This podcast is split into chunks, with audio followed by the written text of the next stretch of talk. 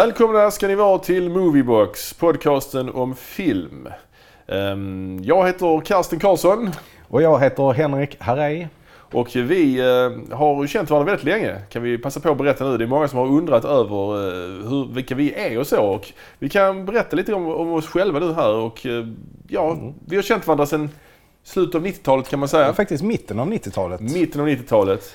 Eh, Det hela började med att vi gick i samma klass på gymnasiet. Precis. Vi ja. upptäckte att vi hade gemensamma intressen. Mycket, vi var liksom intresserade av film båda två och snackade mycket film redan då. Mm. Och sen eh, har vi efter, gått, efter vi tog studenten så, eh, så började vi läsa på universitetet. Vi läste filmvetenskap tillsammans. Mm. Och vad gjorde vi mer sen? Och, och sen så gick vi ju även i samma klass i en, på en filmskola. Precis. Eh, Där vi då eh, ja, lärde oss att göra film. Och eh, åren efter det så jobbade vi också ihop med att eh, producera film. Precis. På olika sätt och i olika projekt jobbade vi ihop. Precis. Nu så på äldre dagar så har vi ju ja, tagit lite andra vägar och du är fortfarande verksam inom film. Eh, Ja, jag jobbar ju på, eh, inom skolans värld som filmlärare. Undervisar eh, framtidens medborgare så att säga. Inom filmkonsten. Eh, ja. jag är inte verksam inom film längre utan jag jobbar ja, in, i, inom näringslivet med marknadsföring. Precis. Så det, det var lite om, lite om vilka vi är. Men film är ju vår stora passion kan man väl säga. Absolut. Det är, ju, det är ju mitt största intresse, film och tv och populärkultur. Ja, helt klart. Och man har ju liksom sagt, som sagt, vi har varit eh, filmintresserade sedan barnsben och hyrt VHS-filmer till förbannelse och eh, sett eh, timmar eh, och åtskilliga timmar på Filmnet till exempel. Och, ja. Och det är ju filmet lite grann som har format vem man är idag. Och Ja. vad man tycker är bra och varför man tycker det är bra. ja, Filmnet tycker vi det är väl en, eh, ja, är ganska en unsung hero kan man säga. Verkligen. Filmnet, Filmnet borde få ett hyllningsprogram eh, faktiskt. Men ja, ska vi gå vidare till vad dagens program ska handla om? Det gör vi. Dagens program ska faktiskt handla om den amerikanske regissören Quentin Tarantino. Som nu är aktuell på, på biograferna med filmen Once upon a time in Hollywood. Och den har vi ju varit sett. Den har vi sett och den kommer vi prata om eh, lite längre fram. Ja. Ja. Det är ju, det är ju alltid svårt att eh, liksom bestämma hur man ska angripa det här eh, fenomenet Quentin Tarantino. För det finns ju oerhört mycket att säga. Och det har sagts oerhört mycket redan. Ja. Så det är, det är svårt att kanske hitta någon totalt Mm. unik ingång i detta. Vi ska se vad vi kan göra. Ja, hur eh, börjar man då angripa det här eh, fenomenet eh, Tarantino? Ja, vi kan ju börja med att prata lite, bara lite kort om eh, liksom vår relation till Quentin Tarantino. Mm. Har du något speciellt där du vill säga? Ehm, jag minns inte riktigt om jag såg Reservoir Dogs. måste jag ha sett när den kom ut på video antar jag i Sverige. Ehm, så jag tror jag hade sett den innan jag såg eh, Pulp Fiction. Eh, den såg jag i alla fall på bio. Och det var nog 95 den hade premiär i Sverige. Kan det vara? Kan Jag tror, man, jag, kan vara, jag tror 94 kom den ut. Kan ha haft premiär 95. Osäker på detta. Men eh, ja. Ja, Jag, jag tror det var... Ja, det kan ha varit 94, 95. Jag såg den på bio, på bio i alla fall. Och, och det, det var ju verkligen någonting helt annat. Alltså, Jag kommer ihåg det väldigt starkt att jag var väldigt tagen liksom. För att jag hade ju aldrig sett en, en annan film som var som den. Den var verkligen eh, en ögonöppnare skulle jag säga. Ja, det håller jag verkligen med om. Det var verkligen en film som var så jävla... Man tyckte den var så jävla cool på så många sätt. Och så. Och den var rolig och, och liksom cool. Och snyggt gjord, cool musik. Den hade liksom allt. Och det var verkligen... Man var, man Och man hängde inte med heller i de här olika tidshoppen, kommer jag ihåg. Nej, man tyckte- Eh, man jag, tyck- jag fattar inte riktigt då, tror jag, hur, eh, liksom, hur allting hängde ihop. Liksom. Så bara, hur kunde de komma tillbaka där? Ja, man var ju ovan vid sån, sån, den typen av berättande. Ja, Liksom. ja. Eh, ja, för, för mig har liksom Tarantino, han är liksom, har ändå varit någon form av en liten husgud kan man säga. Alltså Mm. jag har jag, jag såg nog inte Reservoir Dogs på bio, det gjorde jag inte. Den hyrde jag väl på, på VHS. ja, jag är till och med osäker om den hade svensk eh, biodistribution. Ja, det tror jag nog den hade, men det, det, det vet jag inte riktigt. Nej. Men alla andra, hans, alla andra av hans filmer har jag i alla fall Mm. sett på bio. Mm. Ehm, så att det är ju en regissör liksom, man har följt. Liksom. Mm. Eh, precis som man kanske följer ett uh, musikband. liksom. Mm. man, man hänger med och varje gång de släpper en ny skiva lyssnar Mm. man på den. Lite så har, har relationen varit till Tarantino. Mm. Kanske den enda regissör jag har haft den relationen till egentligen om jag tänker efter. Den enda regissör man verkligen har velat se varenda film på bio. Liksom, verkligen. Mm. Kanske, Mm. ja. Jag tror det. Ja, det, det är väl några styckna tror jag för min del. Alltså jag tror att uh, bröderna Coen har varit lite så också. Ja, kanske. Men jag har inte sett deras senaste på Det var länge sedan jag såg en Coen-film på bio tror jag dock. Mm, jag försöker se dem på bio faktiskt. Ja, okej. Ehm, Ja. Även om de, har, de är inte lika intressanta nu som de, de var då. förut. Nej, precis. Och eh, ja, vi... vi- Paul Thomas Anderson också. En sån. Ja, okej. Ja, jag har inte... Det, nej, det kan jag inte säga. Jag tror nog bara det... För min del är det nog bara Tarantino som har den ställningen att man måste se. Ja, jag håller med. Han, han är, jag håller också honom högre ju. Men, eh, Ja, nej, jag, jag, jag, men vi, vi ska ju inte vara helt okritiska i det här Nej. programmet. Det tycker jag inte. Det ska vi inte vara. Eh, vi, vi har funderat kring hur vi ska liksom lägga upp det här eh, avsnittet. Och vi har kommit fram till att vi kommer göra två avsnitt helt enkelt. Mm. Där vi gör ett avsnitt som handlar om Tarantino under 90-talet och en som handlar om Tarantino efter millennieskiftet. Mm. Så en, ett avsnitt om hans tidigare karriär och ett om hans senare karriär om man, om man säger så. Ehm, vi vi eh, kan ju också liksom, han är ju rätt intressant liksom som person också. Alltså han är ju ändå kanske den mest kände regissören, alltså rent Han är ju lite av en rockstar, är han inte det? Ja, jag tänker precis. Alltså, jag har nog, man har nog inte haft en sån här eh, känd regissör sen Hitchcocks tid. Alltså en Nej. regissör som har gjort sig själv till en kändis. Nej. I Sverige har vi ju Ingmar Bergman ju. Ja, men det skillnaden där är ju att Ingmar Bergman är ju inte med i sina egna filmer och så vidare. Nej, som, nej. som Hitchcock också var. Mm. Och eh, Ingmar Bergman var ju inte direkt pratglad på samma sätt som Tarantino Nej, är. nej. Liksom, utan, Men Ingmar Bergman var ju ändå en eh, liksom skandal om... Eller han, han nämnde, det fanns ett intresse för Ingmar Bergmans person. Ja, jo, jo, jo, jo. På samma sätt som det gör för Tarantinos person. Liksom. Ja, kanske det. Ja, på Ber- Bergman kanske i och för sig, där är kanske intresset kring personen, myten större. Mm. Tarantino har väl mer också satt, sätter ju sig själv mer i centrum på ett annat sätt. Liksom, Mm. I och med att han är med i sina egna filmer, precis som Hitchcock också gjorde. Mm. Vi, vi kommer väl ha någon slags autörteoretisk approach till detta. Mm. Mm. Eh, och vi kanske ska förklara autörteorin då för nytillkomna tittare, höll jag på att säga. Mm. Nej, men eh, autörteorin det är ju en, eh, en en fransk term va? det är en fransk term. Det upp- uppstod på 60-talet. Det var, eh, det fanns en, eh, eller slutet av 50-talet egentligen. Det fanns en, en eh, fransk filmtidning som hette Cahiers du Cinéma, som betyder ungefär filmanteckningsboken eller något i den stilen. Och eh, där jobbade en hel del kritiker på, på den här tidningen. Bland annat eh, François... Truffaut Precis, och eh, Godard. precis. Som ju blev eh, framstående regissörer sen. Exakt.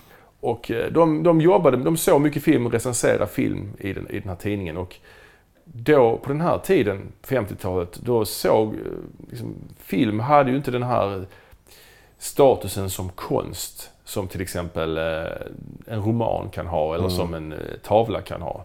Nej, utan, utan det betraktades ju mer som eh, populärkultur. Ja, Alltså- underhållning liksom. Ja, eller populärkultur var väl inget begrepp ens som fanns då på 50-talet heller. Utan Nej, precis som du säger, ja. underhållning, showbiz. Ja, liksom. precis. Men de här franska eh, kritikerna, de, de analyserade ju...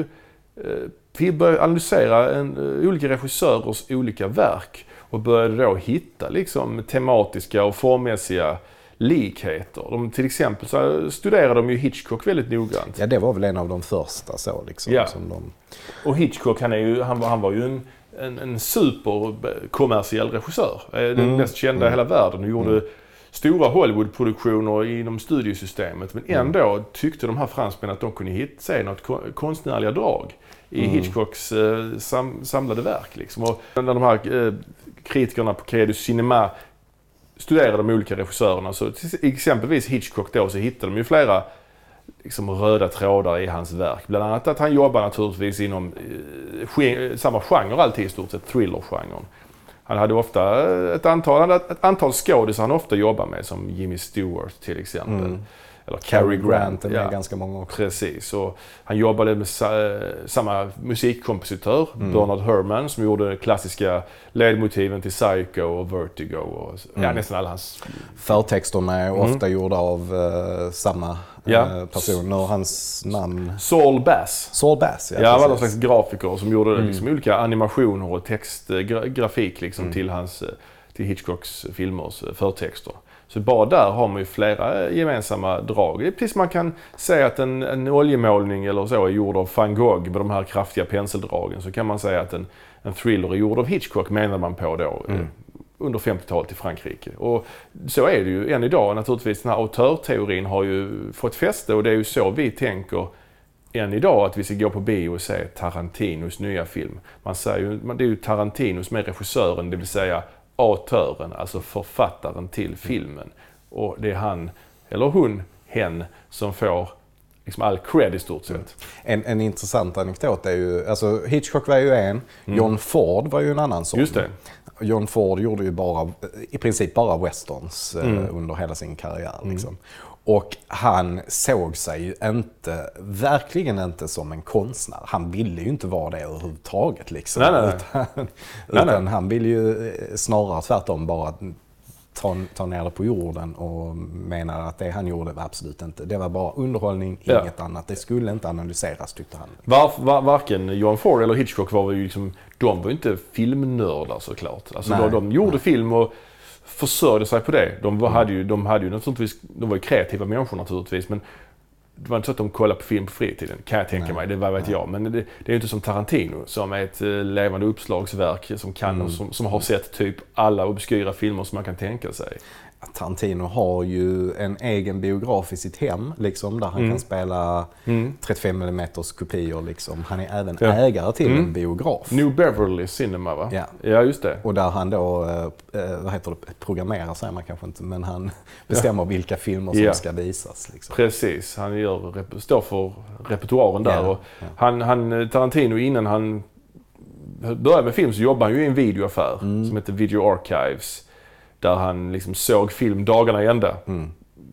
Både kända men också okända. Filmer från hela världen. Mm. Från alla typer av... Filmer med alla typer av eh, liksom, hög och låg budget och Mm. gen- olika genrer och så. så att han, han, han har ju sett det mesta liksom. Och, Och hans filmintresse visar sig också eh, i, i det första produktionsbolaget han bildade så döpte han ju det till Band Apart. precis. Som är en uh, Godard-film. Ja, Band Apart. Ja. Ska vi då ta och eh, kolla lite på Tarantinos tidiga karriär? Ja, och eh, tittar man bara på när hans filmer har premiär så kan man bli lite förvirrad. För att hans första film som eh, han regisserade, eh, De hänsynslösa, Just det. det vill säga Reservoir Dogs. Det är ju den enda filmen som har en svensk titel. Är det det? Aha, Det är hänsynslösa. Det hänsynslösa. Reservoir Dogs. Det var väl en, för kanske en för svår titel för den svenska publiken på den tiden. Ja, det är fortfarande en rätt så svår Ja. tyd en, eh, titel ju. Reservoir, är det vatten, vattenhål typ? Reservoir? Eh, Nej, jag har ingen aning. ja, det vet jag inte. Nej, skitsamma. Men vet du var det namnet kommer ifrån? Då? Nej, jag har ingen aning. Det finns ju lite olika teorier. Liksom. Mm. Eh, någon, någon säger att eh, Dogs då ska hänvisa till Straw Dogs. Liksom, och, Ja, ja. och Strad, uh, Sam Sam, Peckinpahs. Sam Peckinpahs, ja. Och Reservoir då ska vara en slags eh, hänvisning till fransk eh, brott, alltså eh, crime-film. Alltså, Aha. Eh, och att det ska vara någon slags... Men det, det, jag tycker den teorin låter lite konstig. Men, men däremot så finns det en story som, som då går ut på att när Tarantino jobbade på Video Archive eh, så rekommenderade han en fransk film till en kund Mm. eh, som, som då är Au revoir la enfance. Eh, Hette filmen det? Eh, filmen heter så, ja precis. Vad betyder det? Hej då barn, ungefär? Ja, precis. Ja, eller barn, enfance, ja. ja, barn, ja typ barn. så. Ja. Eh, Medan så kunden tydligen ska ha sagt I don't want no reservoir dogs. Så kunden liksom hörde fel Ah, okej. och ville inte ha det här. Han, han hörde fel då. Men, men då blev det ett slags skämt där på Video Archive som, Ah, som okej. levde kvar. Ehm, ja, det, det finns en story som, som är att det är så den fick eh, Ah, okej. Sitt namn. Men eh, om det är så eller inte, det vet vi inte. Och det är hans första film, den släpptes Mm. 92. Men eh, du eh, menar att man blir förvirrad lite grann? eh, Ja, man blir lite förvirrad för att det är ju en film han själv har regisserat ju. Och skrivit manuset. Eh, Och skrivit manus, ja. Och den kom 92. Sen Ja. så kommer ju då 93 va, så kommer ju ehm, eh, True Romance. Romance eh, som han har skrivit manus till. Just det, regisserad av Tony Scott. Ja. Och sen 94 tror jag så kommer både Natural Born Killers och Pulp Fiction. Eller är, Mm, jo, det ska nog stämma ja. Det är det. Det är Ja. 94 båda de. Japp. Och eh, över en natt där så blir ju Tarantino en eh, superstjärna. Liksom. Mm. Men, men däremot så kan man ju titta lite grann eh, på hur, alltså om vi utgår från när i tiden han jobbade med de här olika. Mm, För annars så kan det vara lite förvirrande. Varför valde han att inte regissera True Romance själv till exempel? Varför gav han den till Tony Scott? Ja, exakt. Så jag tänkte att vi kan gå igenom lite grann, eh, lite grann det. Mm. Så att vi har ju redan nämnt att han började jobba på Video Archive. Längre Mm. än så behöver vi kanske inte. Vi kan säga att han är uppvuxen i, i Los Angeles ju. Mm. Eh, tillsammans med sin mamma först och främst. Han har Ganska ung mamma, har ganska ung mamma. Ja. Ja. Mm. Hon var nog under, under 20 i alla fall när hon fick honom. Eh, och hans riktiga far har han ju aldrig haft någon kontakt med. Just det. Men eh, han fick ju ty- eh, tidigt ett eh, filmintresse. Han gick ju på och såg alltså, rätt så våldsamma filmer på bio när han var i tioårsåldern. Liksom, tillsammans Mm. med sin mamma och hennes uh, nya man. Ju. Just det, just det. Eh, så att han gick ju så i princip allting. Liksom. Mm. Ehm, och sen så, han kommer ju ursprungligen från Texas, eh, Knoxville är det va? Ja, Tennessee. Tennessee. Tennessee, precis. Eh, så att han flyttade tillbaka dit något år också. Eh, och då, eh, då, då, det var ju inte så mycket film då, där jämfört med Los Angeles. Så då, Nej. då fick han ju en kraftig abstinens. All right. Så till exempel, eh, det var väl 73 som han bodde där i, eh, i Knoxville. Eh, Han är född 63 kan vi han säga. är född 63. Ja, ja. Ehm, så det måste, det måste nog ha varit lite senare han bodde i Knoxville. Kanske var 75 då. Nej, jag vet inte. Men det, han bodde där i alla fall när Enter the Dragon hade premiär. Mm, Bruce Lee-filmen. Bruce Lees stora liksom, Hollywood-film. Bruce Lees genombrott kan man säga. Ja, för amerikansk publik, ja, ja, precis. och sen dog han ju, dog väl innan den hade premiär tror jag. Ja, okej. Ja, just det. Så Mm. han slog egentligen igenom liksom, efter sin död ju. Ja, det är ju nästan ett avsnitt för sig. Hela Bruce Lee, eh, Mm. Ja. hela hans karriär. Eh, Men Bruce Lee kommer vi att komma tillbaka till, eh, i alla fall i nästa avsnitt när vi pratar Mm. om Kill Bill och eh, såklart Once upon a time in Hollywood. Jag kan bara nämna att det- kom ju ut en hel del filmer efter Bruce Lee dog ju. Ja, Alltså, jo, ja. Det blev någon slags, lite nästan som en subgenre, Bruce exploitation kallar man det. Mhm. Att man tog liksom ma- material med Bruce Lee och Mm. försökte klippa ihop det, och försökte göra, försökte göra liksom långfilmer av det. Mm. Med blandad framgång kan man säga. Mm. Ja, Alltså Bruce Lee han, han jobbade ju på den här tv-serien där han spelade Kato. Eh, just vad det, Green? Hornet. Green, Green Hornet. Ja Eh, och sen så var han ju tilltänkt att göra den här Kung Fu-serien då. precis. Som eh, David Carradine. David Carradine fick istället ja. Som vi också kommer återkomma till Ja. i nästa avsnitt. Ja, så att vi, vi kommer återvända till båda de två Ja, kan man eh, säga. längre fram. Men kontentan var i alla fall Mm. att eh, Quentin Tarantino såg ju då inte den här Enter the Dragon förrän många, många år senare. Liksom. Mhm. Så att han, han eh, missade ju hela den här eh, kung fu eh, Vågen, liksom. vågen Ah, liksom, för Ja. att han bodde i Knoxville och eh, det kom inga filmer dit. Liksom. Mhm. Eh, Så att han missade ju den. Det är lite att jämföra med ja, Frankrike under andra världskriget. Att Ja, han liksom var helt Mm. utan film precis som dem. Och sen Ja, fick han se. Mm. mycket då på en gång kan man tänka sig. Men så att han har väl ett eh, speciellt förhållande till, eh, till Bruce Lee, kanske. Ja, det kan, kan, kan, kan, kan, vara så ju. Ja, eh, och... eh, I alla fall så kommer han tillbaka till eh, Los Angeles. Eh, börjar jobba på en eh, ja, är det bio, bi, porrbiograf tror jag. Just det, porr- ja, det Pu- stämmer. Pussy någonting. Pussy, Pussycat Theatre tror jag. Pussycat, just, just, Ja, ja. just det. Ehm, och sen så eh, har han lite olika ströjobb. Bland annat eh, så har han gjort någon sån här Han har varit production assistant på någon Dolph Lundgren eh, sån Mm. här träningsvideo. Det stämmer Och ja. det var där han träffade Roger Avery. Som han sen eh, jobbade med tillsammans i, Mm. längre fram. Men i alla fall, han, Tarantino jobbar då på Video Archives eh, under 80-talet i cirka fem år tror jag. Mm. Eh, och där, där blir han ju liksom eh, lite eh, av en lokal kändis för att han är så oerhört kunnig på film. Och är ett eh, liksom vandrande uppslagsverk Mm. inom film. Och under 80-talet då så äh, träffar han ju som sagt eh, Roger Avery. Eh, han träffar även Lawrence Bender eh, som är verksam som producent redan då. Liksom. Ah, okej. Och eh, Lawrence Bender tycker att han ska alltså, börja skriva manus liksom, för att de diskuterar väl lite filmidéer och sånt där. Liksom. Och så, så, han, så Lawrence Bender är med tidigt där liksom, och påverkar honom och får honom till att börja skriva. Så han skriver då eh, manus eh, tillsammans med eh, Roger Avery. Eh, och då skriver de då en film som heter My Best Friend's Wedding. Men best friends birthday va? Be- eh, precis. Eh, My best friend's birthday var det. Ja. My best friend's wedding är någonting helt annat tror jag. Det är nog med Madonna och... eh, Nej, Julia Roberts. Just det. Hur? Just det, och Cameron Diaz va? Ja, det är det. Ja. My best friend's birthday.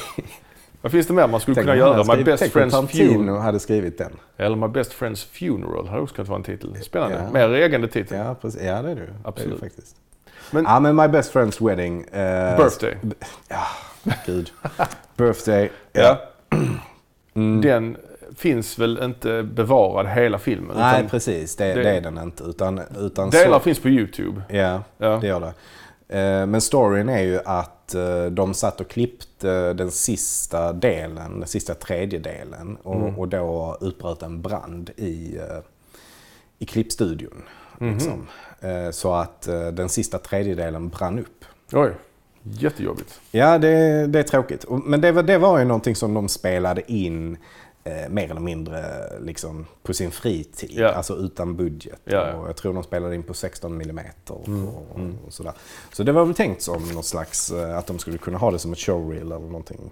Men Tarantino har väl också en... Han var ju också skådespelare. Ja, precis. Så det, det höll han ju på med mycket. Att han gick på olika skådespelarutbildningar där, Mm. i, eller kurser. Precis. mer, I, eh, i, runt om i LA. Han var faktiskt med i ett avsnitt av Pantertanter. mm, Som vi pratade om i förra avsnittet. Mm, ja, fantastiska Ja. tv-serie. Ja. Nej men han har ju gjort en del inhopp som, eh, Ja. som, som skådis eh, här och var. Men, men eh, om, man, om man börjar här på hans CV liksom. Så under 87 då. Så färdigställer han manuset till My Best Friend's Birthday och klipper färdigt den. Eller 86 ska jag nog säga att det är. Han jobbar med det under 85 och 86. Och 86 så sker då den här branden. Mm. Eh, 87 så använder han eh, manuset till My Best, Best Friends eh, Birthday Yes. och återanvänder det till eh, ett nytt manus som då blir True Romance. True Romance blir det. Och det är ganska kul för om man då, om man då tittar på de här YouTube-klippen liksom, och jämför det med True Romance så är det ju väldigt stora likheter. Eh, Clarence till exempel he- heter ju karaktären i True Romance också, precis som i My Best Friend's Birthday. Och där är det ju Tarantino som spelar Clarence. Just liksom. Så att True Romance är ju en ganska självbiografisk eh, över, över hans liv. Liksom. Ja, Clarence i True Romance jobbar väl i en serietidningsaffär. Ja, precis. Och Istället eh, som- kanske skivaffär också, kombination. Jag vet inte riktigt. Jag har ju också jobbat i en serietidningsaffär. Ja, det har du. Kan jag lägga in. Ja. Kan ja. jag tillägga. Vad heter den? Fantasy World? Fantasy World. Just det, just det. Ja. Där, var man, eh, där var man en hel del. Ja, ja precis. Det var min, min, mitt video archives kan man Ja, säga. ja precis. Mm. Så att det manuset det färdigställdes 87. Mm. Eh, och sen så jobbar han ju då, eh, vi ska ju komma ihåg att filmen gjordes ju inte förrän 93. Mm. Den här premiär 93. Precis. Eh, men så under, under de här åren på slutet av 80-talet så jobbar han ju med att sälja försöka alltså, få pengar till att eh, regissera den här. För det var ju hans tanke först. Ja. Att han liksom eh, skulle fortsätta med, med, där han slutade med My Best Friend's Birthday och eh, liksom göra True Romance istället. Mm. Då, liksom. eh, och eh, han fick ju en del intressenter men, men det var ganska svårt. Eh, alltså, det var inte så många som gillade manuset Nej. till att börja med. Och sen om de då fick reda på att han själv skulle regissera den så var det ju ännu svårare. Och, Ja, för att han, menar, han var ju inget namn då överhuvudtaget. Så nej. Det är ju svårt att liksom, gå från noll till att få regissera en Mm. storproduktion sådär. Det är ju Men, men under 80-talet så var det, det var någon gång som det höll på att eh, hända att Bill, Wi- William Lustig Ja. eh, skulle regissera den faktiskt. Ja, ja, William Lustig är ju känd för framförallt för, han har gjort en hel del exploitation-filmer ju. Hans mest kända är väl den här Maniac med Joe Spinell i huvudrollen. Som handlar om en seriemördare. Som, och filmen är liksom berättad ur seriemördarens perspektiv med voiceover och sånt. Och han, han eh, tar hem tjejer som han då mördar och skalperar. Sätter fast deras hår på skyltdockor som man sen sover med. Ja, det, ni hör ju själva, det är en riktig familjefilm. Sen har han även gjort en annan, eh, en annan eh, fins, filmsvit, Maniac Cop-trilogin. Mm. Men kanske världens bästa tagline. You have the right to remain silent forever. ja. William Lustig. Ja. Riktigt bra. Ja, men Tarantino älskade ju William Lustigs eh, Ja. grejer som han har gjort. Ehm, men han är ju ändå fortfarande en um, exploitation-regissör. Ja. Eh, och kanske inte riktigt rätt att hantera det, det manuset, Ja, det precis. dialogdrivna manuset Nej, som True. Romance är. Nej. Liksom. Ehm, ja, så att ingenting händer med den här filmen i alla fall. Mm. Ehm, och sen så eh, jobbar han vidare med ett nytt manus som Mm. då heter Natural Born Killers. Och även det har ju vissa drag från eh, My Best Friend's Birthday. Mm. Till exempel en, en, den andra huvudkaraktären i My Best Friend's Birthday heter ju Mickey. Eh, vilket ju även eh, huvudkaraktären i eh, Natural Born Killers heter. Som Precis. spelas av Woody Harrelson. Ja, exakt. Eh, så att eh, han återanvänder båda de, eh, alltså eh, det manuset till båda de här två filmerna. Ja, ja. Eh, men det är ju samma sak där, att ingenting händer heller med, med dem. Sen så eh, tar han ett, mer ett beställningsjobb kan man säga.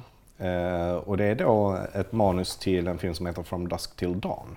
Just det. Så det jobbar han också med på hösten 1990. Mm. Ehm, Men den kommer ju inte att ha premiär förrän 95. Ja, eller 96 till och med kanske. Eller? Ja, skitsamma. Ja, precis. 96 är det. Ja. Ja, så det är, ju som, det är ju så i Ho- i Hollywood och i filmbranschen att det tar en eh, hemsk, ja, det tar en djävulsk Mm. tid kan du göra innan, från eh, idé till, eh, via manus till färdig film. Det kan dröja år alltså. Mm, mm. Och det har du gjort. Och, och det, så Ja. var ju fallet med både True Romance och Natural Born Killers. Liksom. Mm. Att det fanns färdiga manus eh, som var ute hos de olika bolagen men det var ingen som nappade på dem. Mm. Liksom. Men de fanns ändå där ute. Men 91 så eh, jobbade han även med Reservoir Dogs. Ja. Och eh, där, där är det ju manus som han står för. Eh, men han är ju även med som skådespelare och Mm. eh, regissör. Ja, och den filmen den blev ju också liksom gjord lite grann eh, av en... Han hade ju tur där. Mm, För att mm. det var någon eh, lärare han hade, jag tror det var en skådespelarlärare, Mm. act- acting coach. Eh, vars fru kände Harvey Keitels agent eller något i den Mm, stilen. mm. Så eh, eh, Tarantino gav manuset till sin lärare Mm. som läste det, gillade det, gav det sen till sin fru som läste det och gillade och sen gav hon det då till Harvey Keitels agent. Som läste det och gillade. Exakt. Och sen gav hon han det till Harvey Keitel. Som läste det och gillade. Ja. Och erbjöd sig då att Gå in som producera. producent. Ja. Mm. Även om det, Harvey Keitel, han är ju känd men han är ju inte liksom den största skådespelaren i Hollywood. Men hans namn gav ju ändå nat- naturligtvis en legitimitet till själva projektet. Liksom. Ja, men det, det, var, det var ändå gigantiskt för Tarantino att få med eh, Harvey Keitel Ja. i, i, den här, eh, i det här projektet. Liksom. Absolut. Och då så blev ju den här filmen då verklighet. Och han, Mm. han insisterade på att han skulle få regissera Mm. och eh, så blev det. Och han, Och det tyckte ju Harvey Keitel också. Mm. Alltså för Ja. hade inte Harvey Keitel liksom verkligen kämpat för att Tarantino skulle få lov, skulle regissera den. Ja, så eh, hade det, det ville ju inte producenterna. Alltså, Nej. Sen. Och eh, den här filmen har ju, den blev ju superhyllad. Den Mm. räknas ju av många som en av de bästa liksom, indie-filmerna Mm. som gjorts. Um, Reservoir Dogs då som sagt 1992. Och, Mm. Ja, vad ska vi prata om? Den är ju... Inspelad på fem veckor med en väldigt knapp budget. Eh, och den eh, hade premiär i Sundance eh, 92 tror jag. Ja. Eh, alltså filmfestivalen Sundance. Och där är he- en hel del liksom, skådespelare med i filmen som kommer att eh, som får sina stora genombrott där. Mm. Alltså vi har ju Tim Roth till exempel och Mm. Steve Buscemi, Mm. Michael Madsen.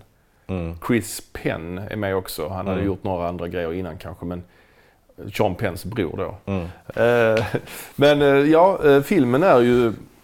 Det är ju intressant. Den här filmen, redan i den här tidiga filmen, hans första film, så etablerar han ju många av sina stilgrepp som kommer att Mm. återkomma i kommande filmer.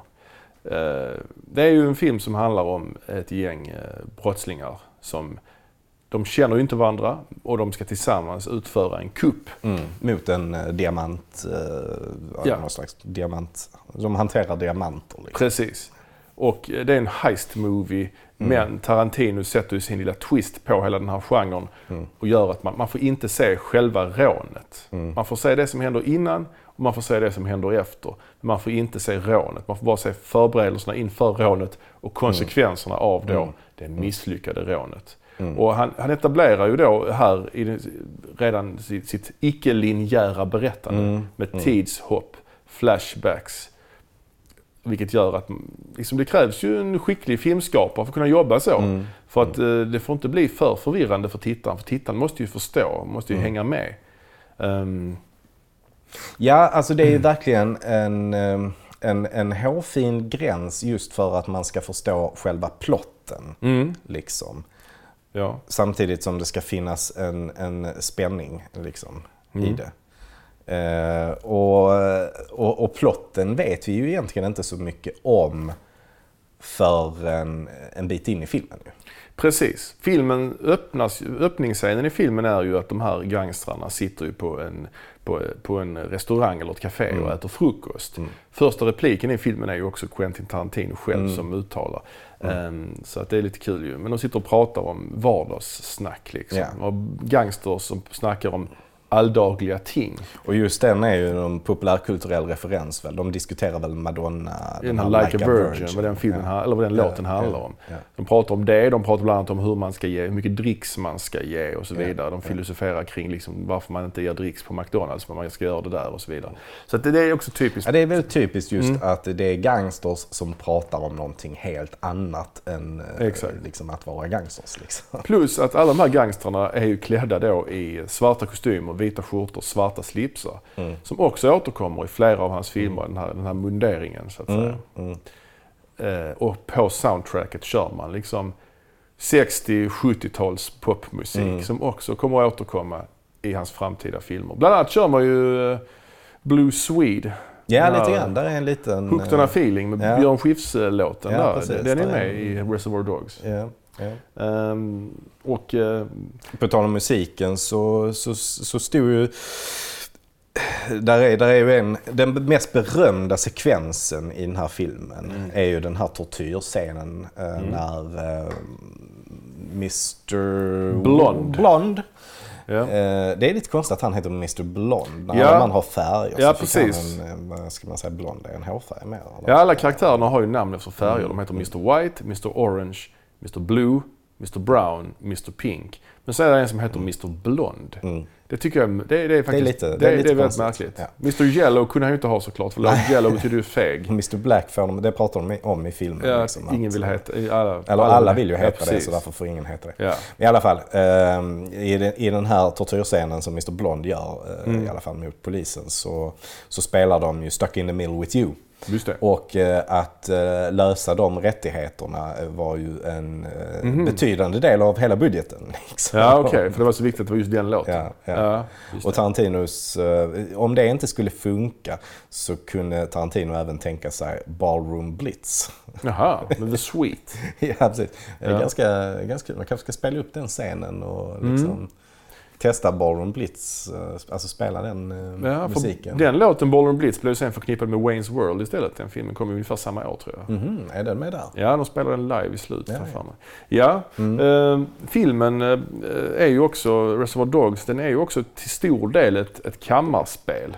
Mm. Det är ju så här att efter det här rånet så är tanken att alla de här brottslingarna ska eh, liksom samlas, rendezvous, i en gammal lagerlokal. Och de kommer dit lite efterhand. Som rånet har liksom gått åt helvete så kommer vissa, de kommer dit pö om pö så att säga. Mm. De samlas där och de försöker ta reda på vad som har gått fel. Och, Ja, och de första som kommer dit är ju Harvey, äh, Harvey Keitels karaktär Mr White och Ja. eh, Tim Roth. Tim Roth då, Mr Orange. Orange ja. Och han har blivit skjuten ju i magen så han Ja, blöder ju ja. ymnigt. Och då vet vi ju som publik ingenting om det. Så att de, de klipper ju liksom från den här förberedande, när de, mest- den här Mm. dialogen, när de liksom eh, är på den här restaurangen. Sen klipper de ju direkt Mm. till det här att han har blivit eh, skjuten i magen. Och det är verkligen panik och de är de första som kommer till rendezvous eh, Mm. stället. Mm, precis. Och sen antyds det ju att Mr Blond har fått något psykbryt och börjat skjuta ihjäl Mm, folk. Liksom, mm. Och det är det som har triggat att allting har gått till helvete. Eh, och sen efterhand som filmen fortgår så får vi ju reda på mer och Får mer. reda på mer och mer saker. Alltså framförallt så var det, kryllade det av poliser direkt Mm. efter att larmet gick igång. Vilket Precis. får dem att tro att det finns en eh, så att säga snitch Ja, i, i det här gänget. precis. Och de vet inte, en rat helt enkelt. Mm, mm. Och de vet inte vem av dem som är the rat och de Mm. anklagar ju varandra till höger och vänster. Mm. Ja, jag vet inte, man ska, det är svårt att prata om den här filmen utan att avslöja för mycket såklart. Mm. Men den är ju icke-linjärt berättad.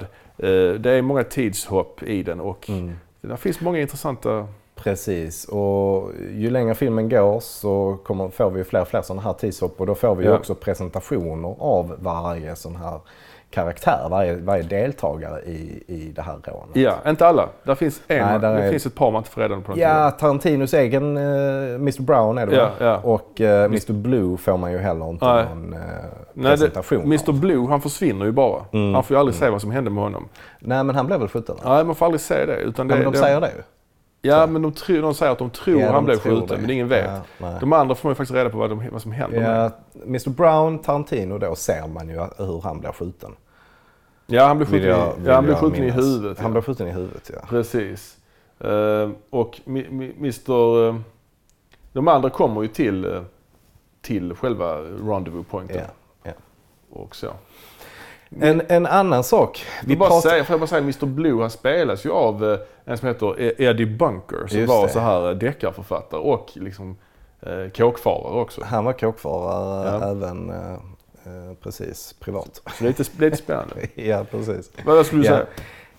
Ehm, ja, nej, jag vet inte om vi, om, vi, om vi ska berätta mer om själva handlingen. Men vi pratade ju lite grann om eh, att man kunde se kännetecken Mm. på att det är en Tarantino-film. Liksom. Så pratade Ja. vi bland annat om tidshoppen, vi pratade om de här dialogerna som Ja. sker mellan gangsters. Ja. Ett, ett, en annan sak som Tarantino ofta gör är att han tar en, ska man säga, avdankad skådespelare.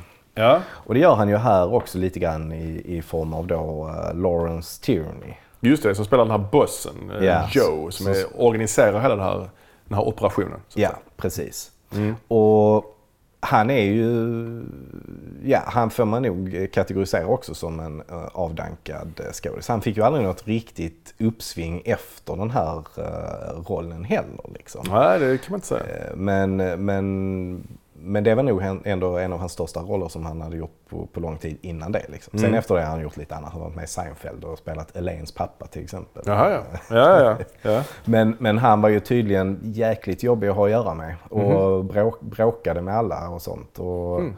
Tarantino hamnade nästan i handgemäng med honom eh, in, under inspelningen. Ja, ja. Oj. Ja. Ja. Eh, ja, så att det kan ju bero på det också att, han, att det inte gick bättre för honom Nej. eh, sen. Men han har väl också haft ett lite så brokigt förflutet liksom och Ja. suttit inne lite grann. Han ser rätt, hård ut liksom. ja, ja. En, annan, en annan liten detalj som också är med i den här filmen det är ju det här att Tarantino i sina första filmer alltid hade en bild som var filmad inifrån bakluckan på en bil. Mm. En slags eh, point of view eh, shot. Mm.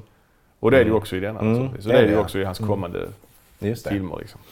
Ja, nej, men Reservoir Dogs, jag tycker, jag tycker att det är, jag tycker fortfarande att det är en av hans absolut bästa filmer faktiskt. Ja, det tycker jag också. Jag, när jag kommer ihåg när jag såg den första gången, eh, just överraskningarna, twistsen i det. Mm. Eh, det, det ja, det var häftigt. Mm.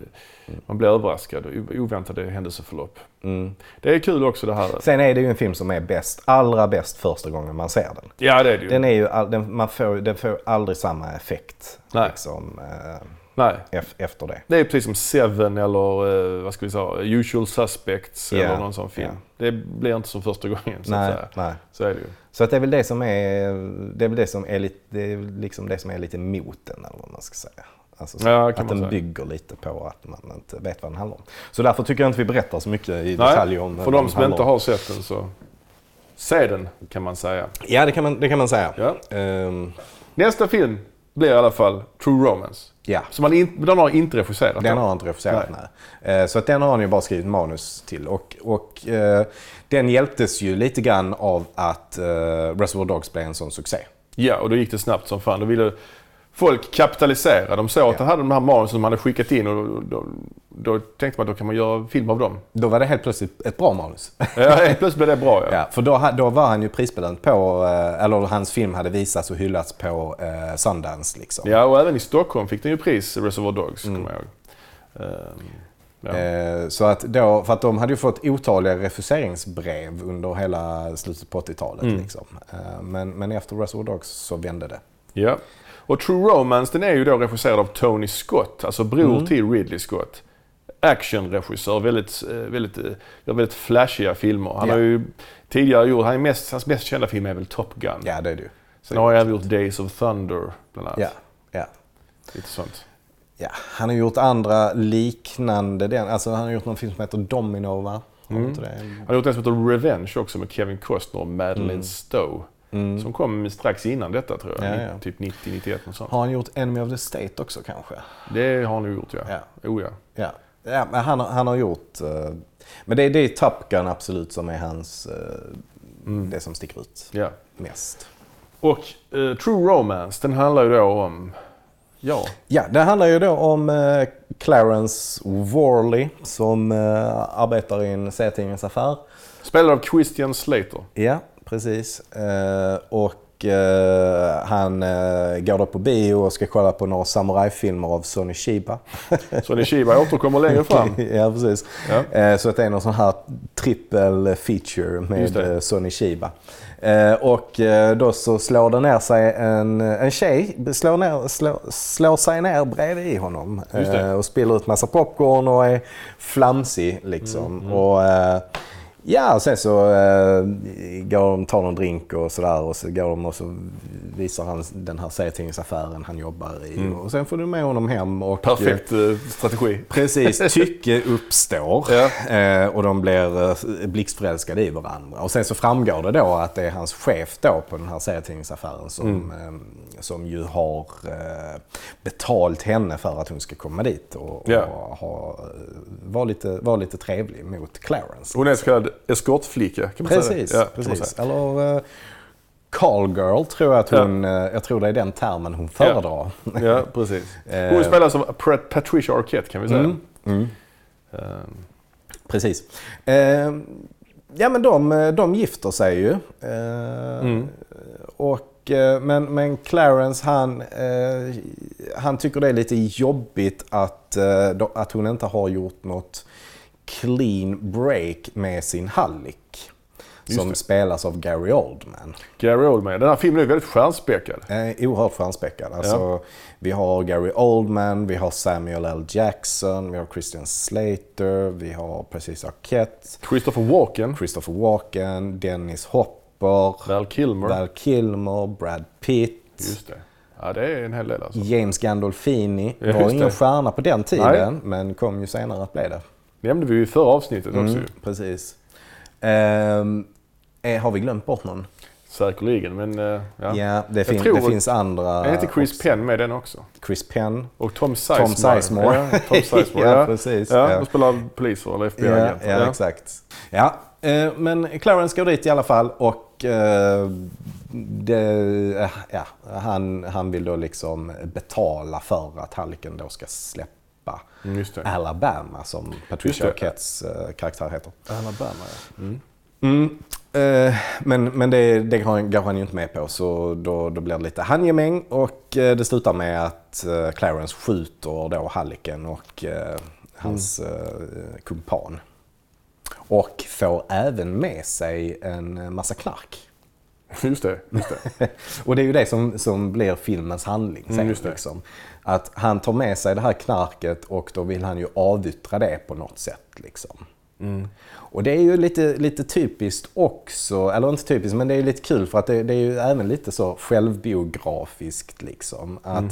Tarantino har ju jobbat i flera år med att försöka sälja det här manuset Mm. liksom, eh, till ett bra pris. Liksom. Och, men samma sak är det då här med, med Clarence karaktär. Liksom, att han, han har en massa knark som eh, det är alldeles, alltså, han, kan, han kan liksom inte sälja så mycket knark på en gång. Liksom. Alltså, är- Mm, precis. Så han har också problem med att göra sig av med det här. Ja. Mm. Ehm, ja, eh, men i alla fall så dels, dels så får han ju polisen efter sig men han får ju även då eh, de här eh, som äger knarket. Mm. Eh, det är någon sicilian, siciliansk maffia ju. Som, Precis. eh, Där. Christopher Walken spelar någon slags maffiaboss där. Han är väl Ja. med en scen egentligen i filmen. Ja, är precis. bra. Ja. Eh, Dennis Hopper spelar ju Clarence pappa i Ja, och där, filmen. precis. Och Dennis Hopper är ju rolig här. Han spelar ju en helt normal människa liksom. Han brukar Mm. spela ganska vilda karaktärer Mm. liksom. Här spelar han väldigt nedtonad, väldigt normal. Före detta polis kanske? Eller? Ja, ja, ja. ja, men precis. Mm. Eh, och han blev ju då avrättad. Ja, vi behöver inte gå igenom hela handlingen kanske. Intressant också att eh, Clarence pappa har ju, alltså de har ju väldigt dålig eh, relation till varandra ja. liksom, Mm. eh, i filmen. Och de har ju egentligen inte setts på jättemånga år förrän Clarence besöker Mm. honom och visar då sin nyblivna fru. Liksom. Just det, just det. Och så var det ju i Quentins eget liv också. Liksom, Ja, han, han har ju egentligen ingen kontakt med sin eh, pappa. Så att det finns ju ganska många olika självbiografiska Mm. moment i, i den här filmen. Ja, den här filmen är, den är, ju, den är ju bra. Den är liksom en liten sån där man kanske inte tänker på när man, tänk, när man pratar Tarantino. Nej. Men den är ju, den har ju... Mm. Den är ju lite glättigare kan man kanske Ja, säga än, än Ja. vad hans andra filmer är. Liksom. Precis. Man har ju en del av eh, dialogen Mm. eh, som man känner igen. Även det här är tidigare manus så. Mm. Men, och eh, våldet liksom. Han gillar ju att använda liksom våld som estet, estetiskt Mm. uttryckssätt. Liksom sådär. Och det, men nu är det ju Tony Scott, han har gjort det mycket mer sin grej. Alltså Mm. slow motion våld och liksom Mm. mycket så här glättig scenografi. Det är inte Mm. den, det, Mm. det, man ser ju... Men det är ju på manus, eller på, i dialogen och andras, på andra sätt så Mm. känner, märker man Tarantinos närvaro. Mm. Sen har vi musiken också i filmen. Mm. Eh, vad är det? Är det Calypso? Kan man säga det? Ledmotivet, den här kända...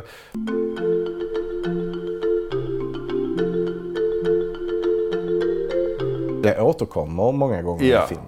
Och det är ju också en direkt tribute till ledmotivet i filmen Badlands. Ja, det är det. Som, eh, med Martin Sheen och Sissy Spacek. Mm. Regisserad av Terrence Malick.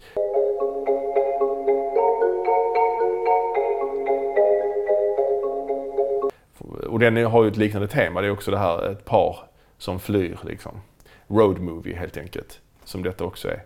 Så det är lite kul. Mm. Ja, sen har vi väl egentligen kommit fram till 1994 och hans... Ja, vad ska vi säga? Hans Tarantino-året. Tarantino-året 1994. Mm. Det händelserika året. Och då... Ja, då släpper han ju filmen Pulp Fiction. Mm. Som enligt många är ju hans bästa film. Mm. Hans absoluta mästerverk Mm. egentligen. Eh, den... eh, Ja, jag skulle kanske ställa frågan, är det 90-talets viktigaste film? Ja, det, det kan man fråga sig. Ja, men jag tycker ju det faktiskt. Viktig kanske är ett starkt ord. Ja. Men, men alltså den, den är ju...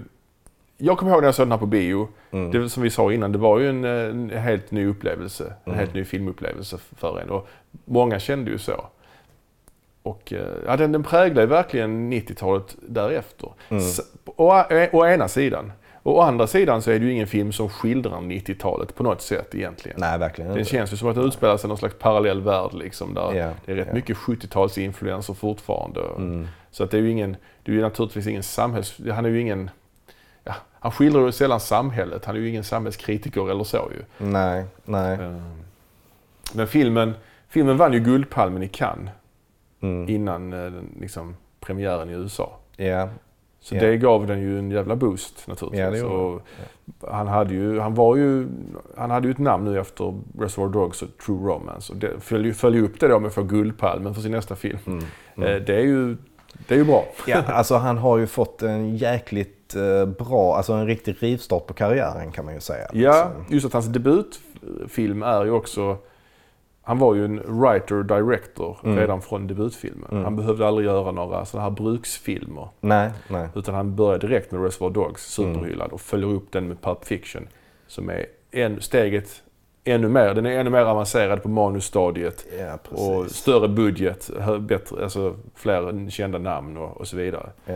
Eh, Alltså han, har, han har ju gjort en del så att säga jobb liksom, Mm. under den här perioden. Då. Manusförfattare på Past Midnight, liksom, Ja, eller ja, manusdoktor. Och, Ja, och, och Crimson Tide. ja, det kommer sen. Ja, mm. Ja, och även att han... eh, Och även då att han har gjort en del så här jobb i den här eh, träningsvideon till Dolph Lundgren Ja, ja, till ja, exempel. jo, jo, såklart. Och, alltså, att, han är, att han gör en liten roll där i Pantertanter är väl heller Jo. inget liksom så. Nej, nej, men det är ju ingenting som man vet om, typ. Nej, nej. Alltså, de flesta, många andra regissörer har ju liksom, om man tittar på deras filmografi, så är det några, Mm. alltid några filmer i början som, vad är det för filmer? Vad är det för skit? Innan regissören har fått den, Mm. Ja, ja. det erkännandet som, som- och kunnat göra vad den vill, så att säga.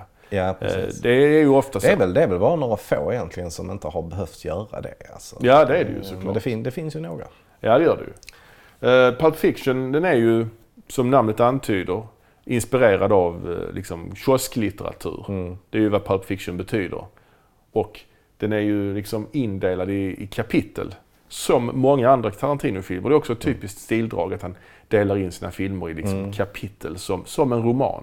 Han skriver ju sina manus som, en, som romaner från början och sen så Mhm. översätter han det till, gör det till manusform på något sätt. Mhm. Och, och den här Pulp Fiction är ju som små noveller liksom som utspelar sig i den undre världen i Los Angeles. Mm. Mm. Eh, Som då vävs ihop. de vävs ihop och det de, man hoppar i tiden också mellan dessa. Det här med små stories som vävs ihop. Mm. Det var ju Tarantino, han var ju inte först med det på något sätt. Nej. Det nej. var, men det var ju, det blev ju väldigt inne faktiskt på 90-talet. Ja, det blev det. Det Redan blev det. eh, under början av 90-talet, redan året innan Pulp Fiction kom ut så kom ju eh, Robert Altman ut med sin film Shortcuts. Mm. Som blev stilbildande Mm. i, i den, här typen, den här typen av film. Mm. Eh, Det är också i Los Angeles och man får följa flera olika gifta par och olika Ja. människor som vars då öden sammanvävs. Också ganska stjärnspäckad Mm. film. Tim Robbins, Julianne Moore, Robert Downey Jr Mm. är med. Chris Penn, Mm. Jennifer Jason Leigh, Jack Lemmon, Jaha. eh, Andy McDowell, Madeleine Mm. Stowe. Alltså den är ju super. Mm. Den, den, och Tom Vad Waits, heter nu han? Lily Tomlin. Eh, Han som var, var inte han gift? Någon som var gift med Julia Roberts? ja Lyle Lovett. Lyle Lovett. Ja, han är också med. han är med i den Ja, han är också med i hans förra film The Player. Men eh, ja, Ja. den här eh, Shortcuts kommer jag ihåg att den, den minns jag som väldigt, alltså den tyckte jag var jävligt bra när den kom. Den har väl Mm. inte åldrats lika väl. Alltså det, det är inte lika stor grej det här med att hoppa mellan olika händelseförlopp längre. Mm. Men eh, den är ju absolut Jag stilbildande. har, inte, jag, har, jag har inte sett den på jättemånga år så jag Nej, inte jag heller. jättemycket. Jag har den inte helt fräscht i minnet alltså. Men, men han, eh, författaren som eh, Carver heter han va? Mm, Eh, stämmer det. Raymond Carver. Raymond, Raymond Carver. Ja. Ehm, ja men han, är, han, han skriver ju noveller liksom Mm. och de är väldigt så Ja. filmiska. Liksom. Ja. Är- Robert Altman, han, han gjorde mycket bra på 90-talet faktiskt. Men Magnolia kommer ju också på 90-talet. Ja, den kom ju också. Och det är ju inte den Altman är- naturligtvis, men det är Nej, också en nej. sån film. Men det är också Eh, den, Ja, den typen. Ja. ja det kom någon som hette, vad hette den? Two Days in the Valley eller Mm, något i Two den Days in the stilen. Valley. Alltså precis efter Pulp Fiction så kom det ju ganska mycket Mm, som eh, liksom försökte kopiera Ja. den, Och den for- stilen. Det har ju fortsatt in på 2000-talet, Babel tänker jag på Ja, till ja. exempel. Ehm, vad ska vi säga om Pulp Fiction mer då? Det, den var ju, det blev ju känd för, nej, jag kommer ihåg när man, när man såg reklamen för den så Mm. såg man ju återkommande tema jämf- jämfört med Reservoir Dogs. Mm. Gangsters i svarta kostymer med svart, svart ja. slips. Ja. Och det var ju då Samuel L. Jackson Mm. som var hyfsat okänd vid den tiden. Mm. Och eh, John Travolta då. Mm. Och det var ju en stor grej att Tarantino så att säga återupplivade Travolta vars Mm. karriär hade ju verkligen gått på sparlåga eller vad ska man säga under, Mm. under flera år. Alltså John Travolta han var ju i slutet av 70-talet var han ju en av de största stjärnorna i Mm. Hollywood. Han Mm. kunde göra i stort sett vad han ville. Han gjorde ju Saturday Night Fever till exempel Mm. och Grease. Han var ju så här känd för Och en bit in på 80-talet gjorde han ju också ganska, han gjorde väl någon De Palma-film där. Ja, Blowout Ja. gjorde han ju. Eh, som är superbra. Mm. Eh, men han var ju känd också som, han var känd som en dansare ju. Ja. ja. I Saturday Night Fever och Grease. Att Mm. han, var, liksom, han var bra på att dansa. Mm. Eh, och det åt- använde ju sen Tarantino nu i, i Pulp Fiction Mm. då ju. Mm. Men Så, så Pulp Fiction var liksom hans, eh, vad ska man säga, återgenombrott eller vad ska man säga? Ja, det var ju hans stora återkomst. Ja, han hade ju hade några mindre hits i mitten av 80-talet med de här. Titta han snackar, Look who's talking. Just det. Där med en baby som kan prata, eller man hör vad babyn tänker. Ja. Och vet du vem som gör rösten till babyn i Är den det inte filmen? Bruce Willis? Det är Bruce Willis ja. Som han, också är, är med han är också med i Fiction Ah. ja. Så de återförenas här båda två. Ja, det är så eh, Tarantino fick inspiration till Pulp Fiction kanske. Kan vara så, kan vara så. Eh, Jag tänkte på Samuel L. Jackson. Bara året innan Mm. är han ju med i en pytte, pytte, pytteliten roll i True Romance. Han blir ju bara skjuten direkt ju. Ja, det kan jag knappt minnas. Nej, det är, Nej. Alltså, han blir ju... eh, Mm. Precis i början så träffar han eh, den här halliken då liksom. Och så eh, blir han typ skjuten direkt liksom. Han är det, också- det är ju allt han gör i den, i Ja, den han, filmen. han blev också skjuten i eh, filmen Goodfellas av Scorsese. Jaså? Ja, av, jag tror Joe Pesci skjuter honom. I Goodfellas? Ja, han säger någonting You'll be late for your own funeral eller något sånt, så skjuter honom i huvudet. Aha, okej. Ja. Ja. När kom Goodfellas? 90 tror jag. 90? 90 ja. kom det. Och sen är han också med i den här parodin Loaded Weapon 1. Där han Ah, spelar okej. liksom Danny. Glovers karaktär så att säga i Dödligt Ah, vapen. så att säga. där jag kommer ihåg dem från när jag såg Pulp Fiction. Att, Oh, jag hade ju Ah, laddat okej. vapen. ja. ja. han har väldigt speciellt utseende faktiskt. Men, men ehm, han, eh, han slog väl igenom i eh, någon Spike Lee-film tror jag. Eh, det hade han nog redan gjort vid den Ja, ju, vid den ju, här han ju tiden. med någon sån ja. Men ehm, för den bredare publiken så hade han väl inte slagit igenom i alla fall. Eh, han han eh, gjorde även audition tror jag för en roll i, i Reservoir Dogs. Mm. Ja, just den rollen som eh, Tim Roths eh, kollega så att säga. Ja, tänka precis. Ja. Ja, ja. Men i alla fall, Pulp Fiction då. Jag såg om den nu. Nu avslöjade du lite. Ja, det gjorde jag. Jag så- såg om den här Pulp Fiction nu här förleden. Och det slår, slår, man slås ju av hur jävla bra den är alltså. Mm. Det, nu är jag, känner jag mig superokritisk här men det är ju verkligen klassisk scen efter klassisk scen. Mm. Dialogen, alltså replik, klassisk replik efter klassisk replik. Mm. Det, är ju, det är ju så mycket. Mm. Den börjar på det här kaféet med Tim Roth och Amanda Plummer. De sitter och pratar om och, Mm. och han säger I love you. Hon säger Honey I love, bunny. honey bunny, I love you pumpkin. Och, Mm. Everybody cool down, this is a robbery. And if you fucking pigs Pigs move and I'll execute every motherfucking last one of you. Den repliken återkommer ju senare i filmen fast där säger hon inte riktigt samma sak. Nej. And if you fucking pricks move, and I'll execute every one of you motherfuckers! Det tycker jag är konstigt. Ja. Det är säkert meningen.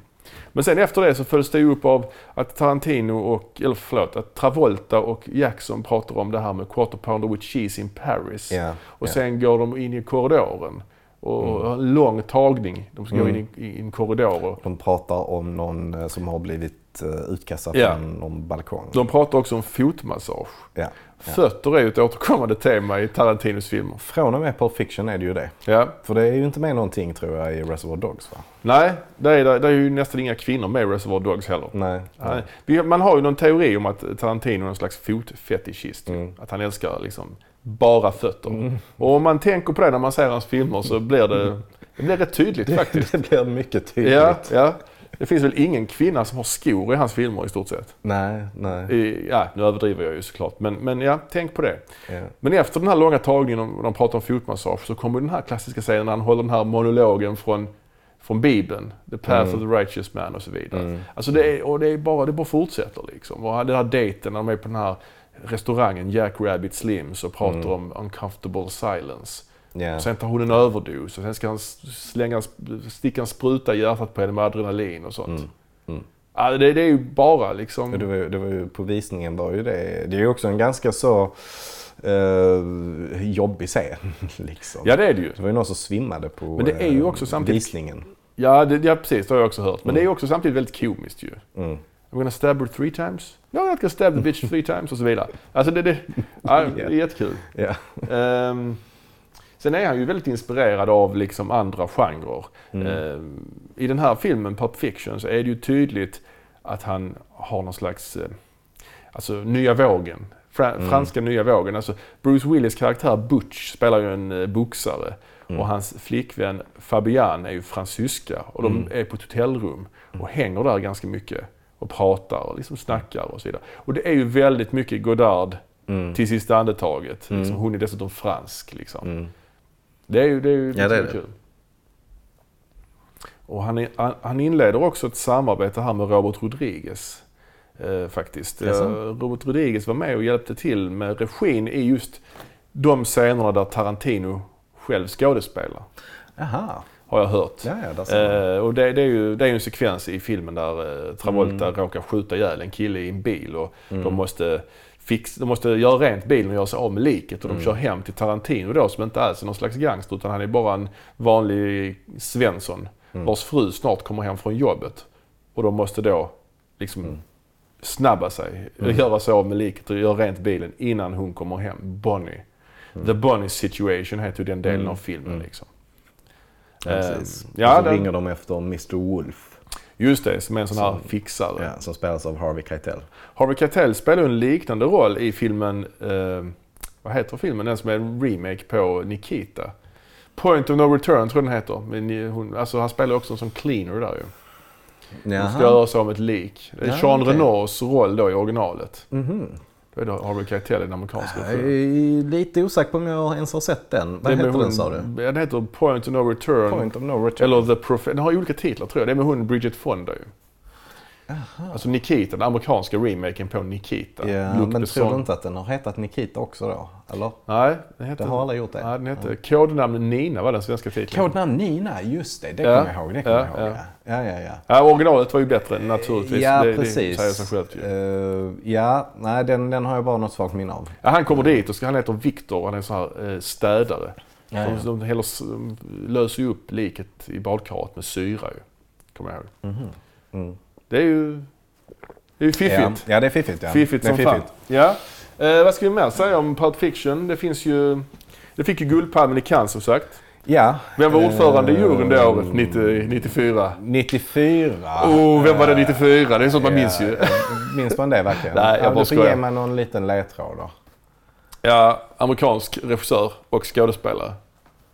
Eh, Robert Redford? Känd för eh, att ha spelat eh, i olika cowboyfilmer bland annat.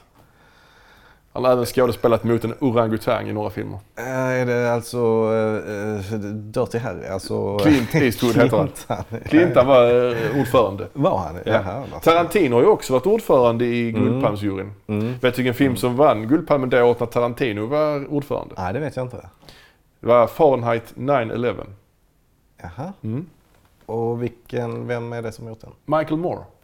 Det är, det är Michael Moore. Den dokumentären du vet om, eh, ja, Ja, ja, ja. om the war on terror. Liksom. Ja, ja. Okej. Så det är ju kul. Ja. Det är int- intressant. Ja. Men eh, ja, det finns ju, vad finns det mer? Vad kan, vad kan man mer säga om Pulp Fiction? Den är ju liksom sönder eh, analyserad. Det finns ju... Ja, det är den väl. Den, den, där har han ju i alla fall samarbetet med eh, Roger Avery. Ja. Avery. Ja, oh, ja precis. Och de fick ju då, De, de vann ju även en Oscar för bästa manus. precis, det var ju Tarantinos första Oscar. Ja. Eh, sen är det väl lite oklart hur...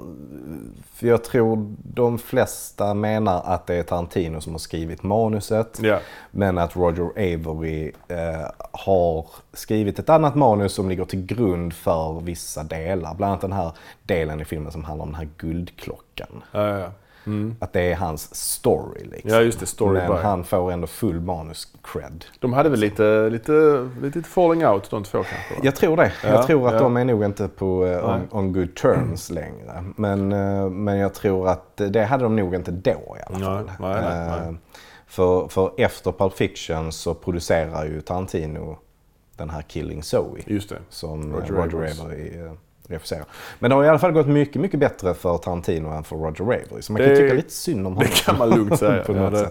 Men de jobbade väl ihop där på Video Archive tror jag. Och Jo, då, gjorde då, då, då, det var väl då de satt där och inte hade något att göra liksom. Och så Mm. hittade de på en massa idéer till manus. Liksom. Det finns ju en deleted scene också från Pulp Fiction. Mhm. Vet inte om du har sett den?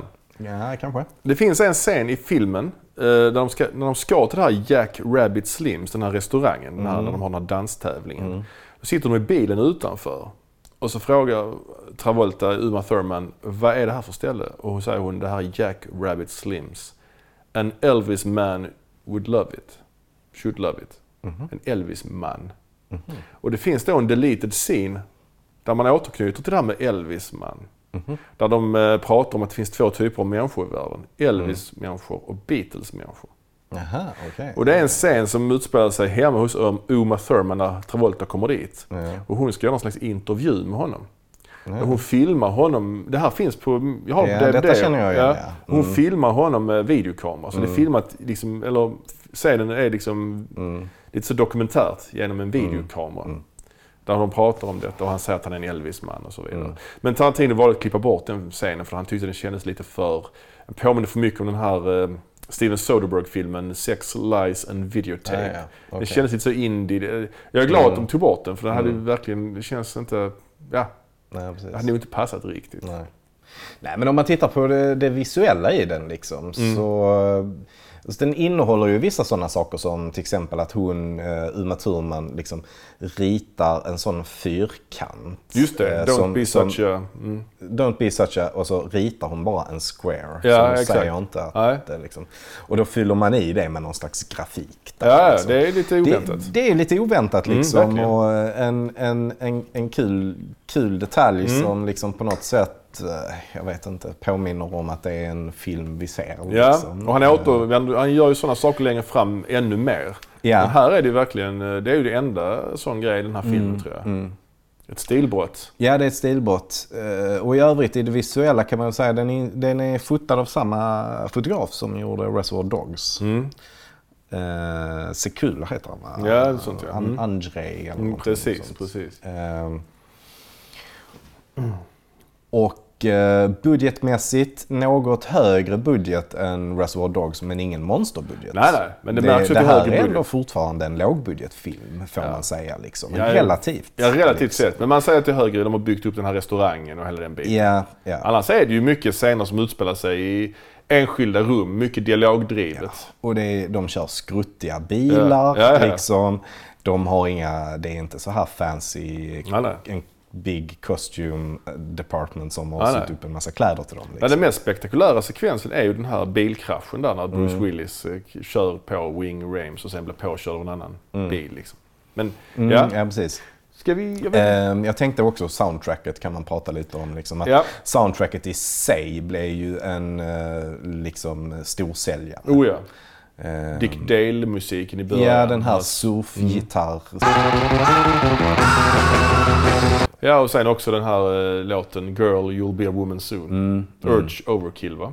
Ja, det är en, eh, Ja, det är en cover, en, en cover ja. på en, en Neil Diamond Ja, Just det. Men deras version då, Ja. hon, hon sätter igång låten i filmen och sjunger ju till låten också. Sån gammal rullbandspelare. Ja, det är många sådana märkliga saker. Ja, Varför man- har de en rullbandspel? Alltså, Ja, det var ju omodernt redan då liksom. Ja, man blir lite så... Man förstår inte riktigt vilken tidsepok de lever i riktigt. Ja, och det är väl lite grejen också. För de är, de är ju samtidigt på en sån här 50-tals retro-restaurang liksom, Mm, och käkar hamburgare. Ja, liksom. ja, ja. Och sen har man sånt rullband där liksom. Och det, är, Ja. det är lite så märkligt. Ja, det är verkligen. Sen en annan sak som man kan punktera är ju också att uh, John Travoltas karaktär heter ju eh, Vincent Vega. Just det. Och uh, Mr Blonde i Reservoir Dogs heter ju Vic Vega. Mm, Precis. Eh, och de är ju då bröder. Ja, och Tarantino hade ju en plan att göra en film om The Vega Brothers. Mm, Double V Vega eller något sånt skulle den heta. Men eh, naturligtvis, eh, det, det, gick ju inte. Karaktärerna, det Mm. här kan vi ju säga, de dör ju båda två i filmerna. Ja, men han tänkte ju att han skulle göra en eh, prequel. Ja, och det så det ju- hade han kunnat göra ändå. Ja, fast det hade blivit konstigt eftersom de hade varit så mycket äldre. Och Ja, kanske... det, det, det är ju det. Han hade ju velat göra det direkt då, Ja. efter det. Ja, men eh, nu har han ju lagt ner det eftersom de är så mycket äldre. Liksom. Men nu hade det varit riktigt sent. Ja, Då hade de kunnat göra Ja. med CGI eller något sånt. Ja, man kan ju göra sån de-aging nu för tiden i och för sig. Kan man det? Ja, ja, ja. Ja men det har man gjort På riktigt? Michael. Ja, men Kan jag man, göra det på mig inte på riktigt men i, inom filmens underbara värld. Ja. Som de gjorde med Michael Douglas i till exempel uh, Ant-Man. ja, ja, ja. ja, och de har Ja. gjort också med det nu med De Niro och Pacino i den här nya Just Scorsese, The Irishman som kommer Ja. här, för, här snart. ja, just det. Ska vi gå vidare i... Ja, eh, man kan ju faktiskt bara nämna att Mm. den spelade väl in typ 20 gånger sin budget eller någonting. Mm. I den, Ja, ja. Någonting i dem. Ja. Alltså den, Ja. den, den spelade in oerhört mycket pengar så efter det här blev ju Tarantino verkligen en superstar. ja. ja, precis. Alltså det, det får man ju säga. Eh, och eh, hans samarbete med eh, Robert Rodriguez befästes ännu mer. De lärde ju känna varandra på Sundance för de hade båda två filmer där. Liksom. Mm. ja, ja, ja. Så att de var ju en grupp regissörer då. Eh, Som var med på Sundance 92 liksom. Precis. Som, som lärde känna varandra. Och det, det, de kom ju samarbeta sen året efter Ja, det med, bar frukt där ja. med Four Rooms. Precis, Four Rooms som också är en sån här episodfilm. Mm. Som utspelar sig eh, på ett hotell. Mm. eh, I olika rum då. Det är olika små eh, mini-stories i de här olika rummen. Mm. Och den röda tråden är ju den här portieren som spelas av eh, Tim Roth. Mm, mm. Och Tarantinos del där är ju någon slags hyllning till den Hitchcock. Mm. Den här, The Man from the South, heter den så? Hitchcock. Eh, hans, hans avsnitt är i alla fall, heter The Man from Hollywood. just det. Eh, och eh, är ju då en, en remake på, på det här Hitchcock-segmentet eh, The Man from the South. Så den, den handlar ju då om att eh, en eh, lite så här berömd regissör då som spelas av Tarantino själv. Han eh, ingår ett vad med eh, en, en kompis då som är i det här eh, hotellrummet. Att eh, han ska kunna lyckas tända sin tändare 20 gånger i rad. Precis. Ehm, och då klarar han det så, så får han Tarantinos eh, bil. Men klarar han inte det så, klarar han inte det så, får, så måste han bli av med sitt lillfinger. Jag som kom- då Tim Roth ska hugga av med någon slags köttyxa eller vad det är. Precis. Och jag kommer ihåg, jag kommer faktiskt ihåg när jag såg, för det var ju en del i den här Alfred Hitchcock Presents. Det var ju en sån tv-serie som Hitchcock hade där han liksom presenterade olika veckans liksom makabra historia. Och där är det ju samma sak. En man som man ska slå vad. eh, Liksom att, klarar du tända din tändare eh, sista många gånger, annars hugger jag av fingret. Mm. Och jag kommer ihåg när jag såg det avsnittet på tv när jag var liten. Jag tyckte det var så jävla obehagligt. Det slutar ju med, precis när han ska hugga. Mm. Eller precis när han ska, det är i slut, han blir avbruten av en kvinna som kommer och avbryter honom. Mhm. Den här personen med tändaren blir avbruten och hon kvinnan säger du ska inte spela med honom. Och så tar hon av sig sin handske så säger hon, har hon liksom, jag har spelat med honom många gånger säger hon. Och så tar hon av sig handsken så har hon typ inga, bara typ tre fingrar kvar eller två fingrar okej. kvar. Jag det såg när jag var liten, tyckte det var lite läskigt. Ja, det är rätt läskigt. Ja. Mm. Ja. Ja. Men eh, ja, Four Rooms blev ju en, eh, inte någon hit. Den Nej, blev sågad blev- faktiskt. Och, och, Jaså, den blev sågad rätt så och dålig kritik. Jag tycker den är helt okej. Eh, Eh, Ja, den, den är, Tarantinos del är kanske inte den bästa i och för sig. men- nej, den, är, den är lite speciell liksom. Det är, det är lite svårt att, att, att liksom säga, Mm. liksom här, säga vad man tycker om en sån här episodfilm. Men, Mm. men det var ju i alla fall, alltså, det var ju Tarantinos initiativ att göra den här. Mm. filmen liksom. Och det var då de här fyra regissörerna som han hade träffat på Sundance Ja. och haft lite kontakt med. Ja. Och det är ju då, de andra är ju då Alison Anders eh, som Tarantino hade någon slags relation med också innan detta. Liksom. Robert Rodriguez har gjort en och, sen, och sen är det då han Alexander, Alexandre Rockwell Just det. eh, som, som Tarantino väl har varit inneboende hos. tror Ja, jag. okej. Jag är lite kompisgäng liksom. Mm, det var Ja, kompisgäng. Och Tarantino var ju inspirerad av de här olika rörelserna som fanns i Europa. Liksom. Till exempel då franska nya vågen, italienarnas, eh, vad kallas det för? Ne- Neorealism. Neorealism liksom. Eh, och ville skapa då någonting eget. Han tyckte att det fanns lite grann samma strömningar i USA på 90-talet bland independent-filmerna. Liksom. Det är sant. Eh, Så att det är ju någonting som han fortfarande väl eftersträvar för han har ju gjort mycket med, med eh, Robert Rodriguez. Längre fram, Längre fram ja. Absolut. Jag tänkte bara vi skulle hoppa tillbaks ett litet Mm. snäpp. För vi, mellan Pulp Fiction och Four Rooms så kommer ju Natural Born Killers. Den får vi inte glömma. Nej. Det får vi inte glömma. eh, Natural Born Killers då som var ett tidigt manus, ma- ett, ett tidigt manus av Tarantino. Som då eh, köptes och eh, filmatiserades av Oliver Stone. Eller rättare sagt, manuset skrevs ju om eh, otroligt mycket Ja. innan Oliver Stone gjorde, gjorde filmen. Ja, men han är väl delaktig i eh, den eh, omskrivningen. För han står ju som en av tre manusförfattare. Ja. Tar- Tarantino står inte som manusförfattare utan som story by. Ja, och han ville inte ha sitt namn som manusförfattare. Mm, han, han var väldigt missnöjd med det där och han, eh, han kunde inte acceptera det. Även om han redan, liksom, han var ju inte, när det här manuset köptes och skulle skrivas om, då var han ju inte så stor heller. Nej. Eh, hans manus, Tarantinos manus, har jag för mig, kan jag tänka mig, påminner mycket mer om, låt säga, Arthur Penns Bonnie och Clyde eller eh, Terrence Malicks Badlands. Mm. Det är ju ett, ett par som åker iväg börjar mörda Mm. folk. Road movie liksom. Ganska likt True Romance på det sättet ju med road movie, Mm. hela den biten. Medan i Sto- äh, Oliver Stones händer så blev det ju mycket mer en slags eh, liksom en mediekritik. Ja, alltså, eh, ja precis. Eh, Den, är, den, är, eh, den innehåller ju väldigt mycket. Alltså den, visuellt sett så på något sätt så personifierar den tycker jag det dåliga med 90-talet. Okej, ja, jag är inte riktigt, håller inte med dig där. Jag, jag har sett den här filmen ett antal Jag kommer ihåg att jag såg den på bio. Ja. Jag blev väldigt påverkad av den. Ja. Sen såg jag om den några år senare och tyckte att den hade tappat väldigt mycket. Men sen efter allt det här med liksom dokusåpa, kändisskapet och hela den biten. Såg jag om den några år efter den, liksom när den vågen hade kommit. Ja. Och då tyckte jag filmen kändes relevant igen. Ja. För i den här filmen är, handlar det om två, ett, ett par som är ihop. Då, eh, Mickey och Mallory Knox. De åker land och rike runt så att säga och skjuter ihjäl folk, förenklat.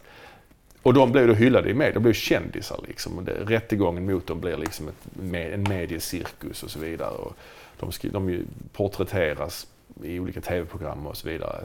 Det blev, de, får, de blev kändisar för det här liksom. Och det kändes ju lite som en kritik mot hela den dokusåpa, Ja, det gjorde det. det alltså, ja. när man ser den efter det så Ja, och jag håller med också att när jag såg den så blev jag också ganska påverkad av den. Mm. Jag såg den också på bio.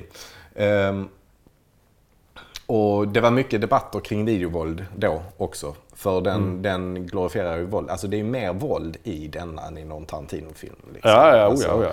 Eh, För att här, eh, ja det är ju det den går ut på. Liksom. De dödar väl över 50 personer i filmen tror jag. Mm. Eh, Det är rätt mycket våld i Kill Bill också. Men, Ja, det är det ju. Det är det ju. ja. Absolut. Men, ja, men, nej, men jag förstår vad du menar. Det här är ju mm, lite mer realistiskt så att säga. Det är Ja, inte, ja. ja. Ja, den, den, är ju, den här filmen är ju väldigt experimentell rent formmässigt. Det du tyckte var det dåliga. Eller så. Ja, precis. Alltså den är ju väldigt inspirerad av vad ska man kalla det för, MTV-estetiken. Oh ja, liksom. eh, där, där finns ju inte en enda, vad ska man säga, ren kameravinkel eller Nej, vad man ska nej. säga så. Utan allting är lite snett, lite vinkt eller, lite, eller så är det en zoom. Det händer hela Mm. Ja. tiden någonting. Den är i- svart, helt plötsligt är svartvit och grynig bild och en Mm. replik kan komma liksom två gånger efter varandra ur två vinklar och Mm. så vidare. Sen är det någon animerad sekvens och så vidare. Det är någon, hennes, eh, när, han, eh, när Mickey och Mallory träffas, alltså hela den här backstoryn till hur de träffas är ju gjord som en sån här sitcom. Ja. Med pålagda skratt och hennes pappa förgriper sig på henne och så vidare. Och man har så här skratt när han gör det och så liksom. Det är ju ganska starkt tycker jag. Tycker jag. Det är på något sätt. Det ger ju någon slags effekt liksom. Obehagseffekt. Jag tycker det blir lite fånigt Ja, ja. eh, när jag ser det nu. Liksom. ja jag har inte sett den på flera år, det, det ska jag Nej. säga. Ja, för jag tycker nästan att det fråntar, alltså... Det, det, det, det är liksom djup man skulle kunna skapa hos karaktären fråntas ju istället när man tramsar bort det på det sättet. Ja, det kan stämma. Liksom. Det kan stämma.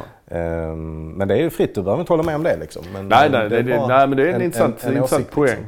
Och jag kan tycka att den är rätt, den är rätt svår att se idag alltså, för att Mm. den är så fånig och så tramsig. Så upplever jag det idag. Liksom. Slutet påminner också lite grann om Alltså true romance slutet, det här Mm. lyckliga Mm. liksom.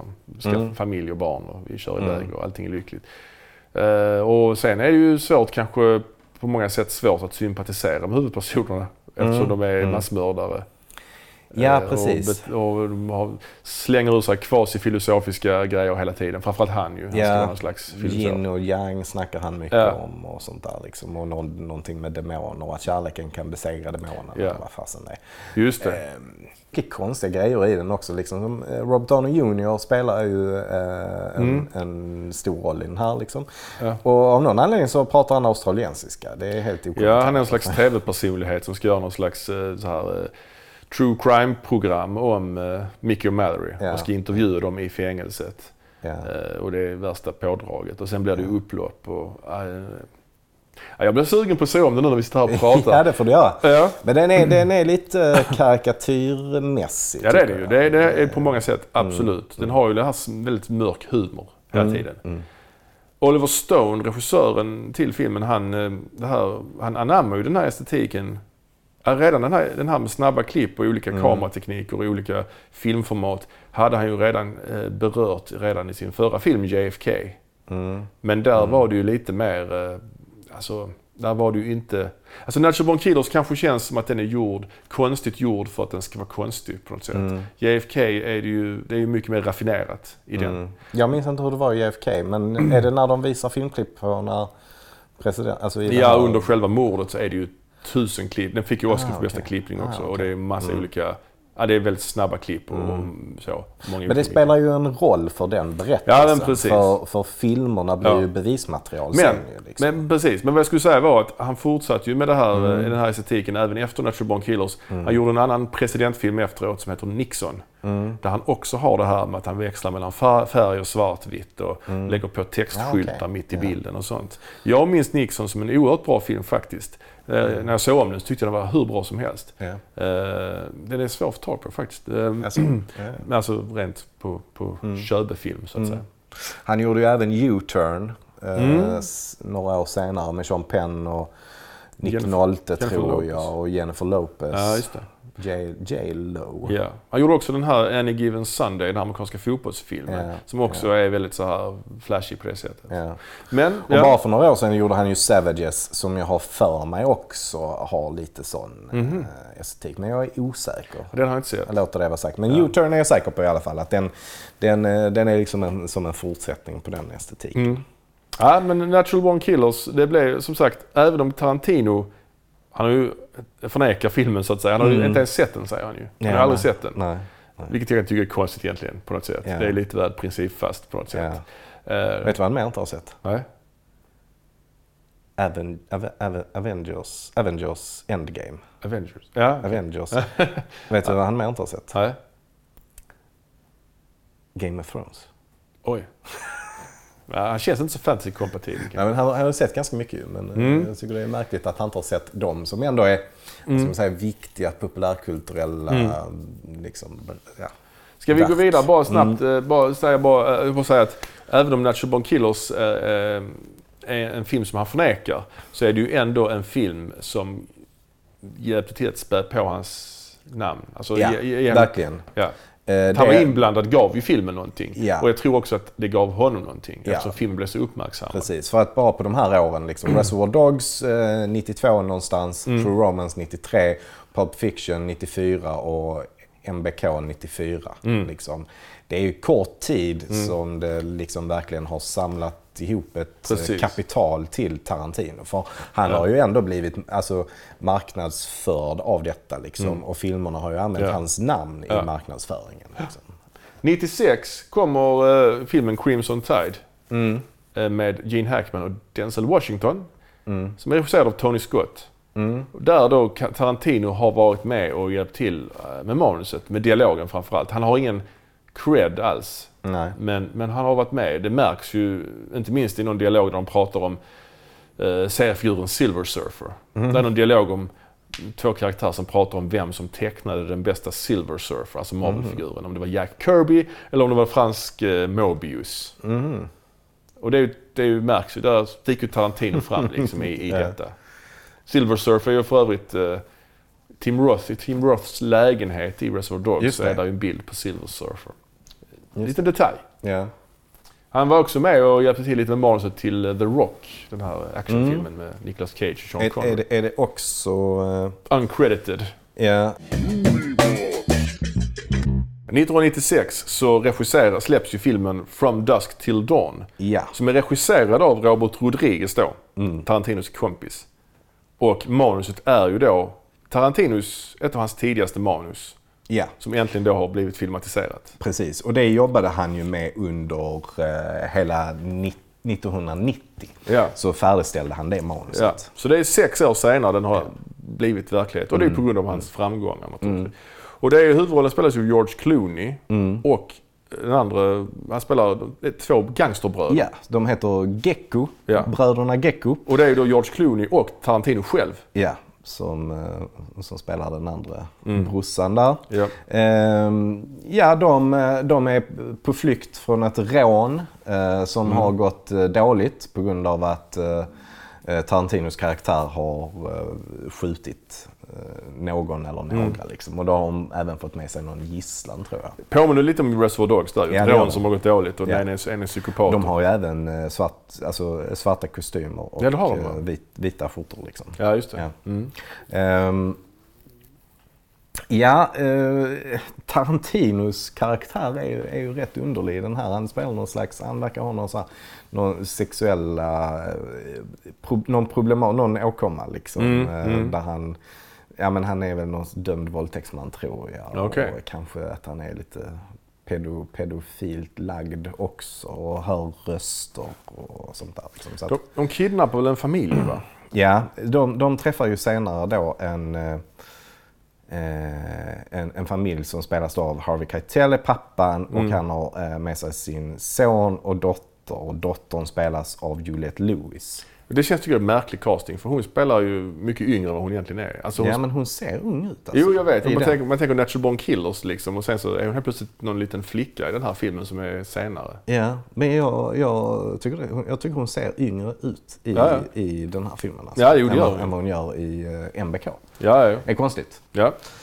Ehm, ja, um, Harvey Keitel spelar en före detta präst, Just eller det, pastor, som har eh, tappat tron då hans eh, fru och mamman då till hans barn har eh, dött. Lite Bergman-aktigt nästan. Ja, det är lite En Bergman. präst som tappar tro. ja, precis. Ja. Ja. Ja, Eh, Så att han, han, kämpar ju, han kämpar ju med det. Och, och då, då har de köpt en sån här Winnebago, alltså en husbil då som eh, de ska åka till Mexiko med. Och då, eh, då vill ju eh, bröderna Gecko eh, åka med där, att de ska liksom smuggla in dem i Mexiko eftersom de är efterlysta. Just det. Eh, Så kan de inte ta sig över gränsen själva. För det är nämligen det de ska. De ska, de ska träffa en... Eh,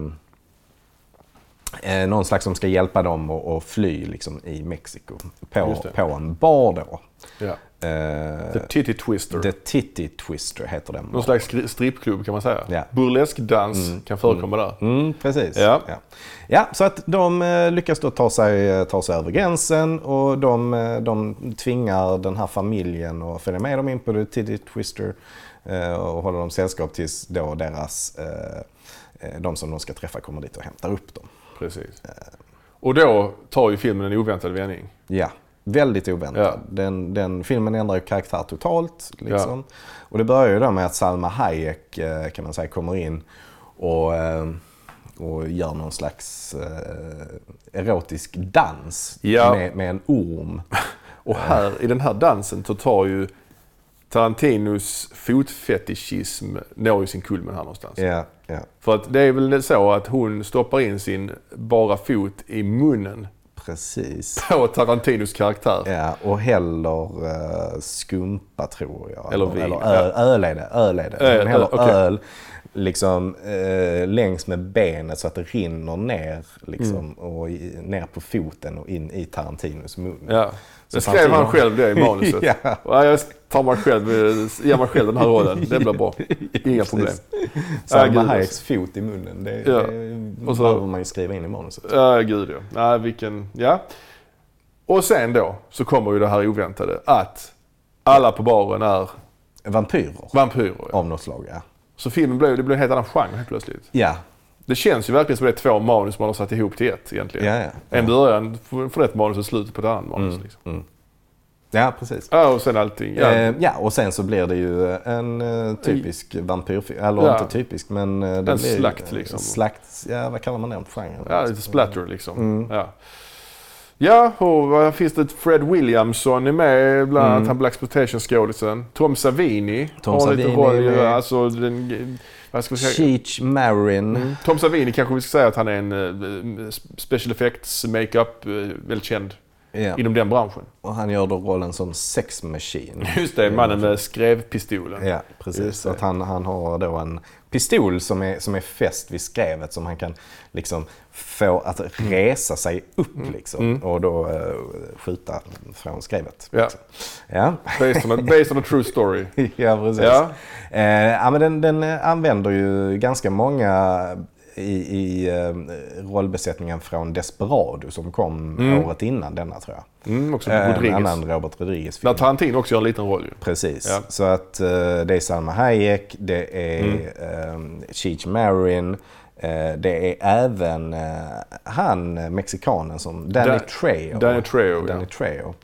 Och den här skrevpistolen gör ju också en liten cameo där. Ja, det gör den Den kanske. ligger i någon sån vapenväska. Mm, just det, den ligger i en vapenväska. Ja. väska, Men den, man, den används ju aldrig. Liksom. Nej, precis. Det är bara en hint om Mm. den där liksom.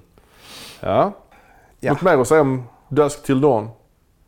Egentligen. Ja, vad ska man säga? Alltså, det är en underhållande film helt enkelt. Mm. Eh, det, det är ganska, ganska schyssta effekter tycker jag. De här monstren är rätt coola ändå. Tycker Mm. Ja, jag, har ju, alltså jag har faktiskt bara sett den här filmen en gång och det var Ja. 1996. Ja. Så det, det är ju rätt länge Ja. sedan på bio liksom. Ja. Så jag får nog ta sig om den vid Ja, men tillfälle. jag tycker, den, jag tycker den, har, den har sina poänger, i alla fall uh, ur, ur liksom slasher-delen, tycker jag.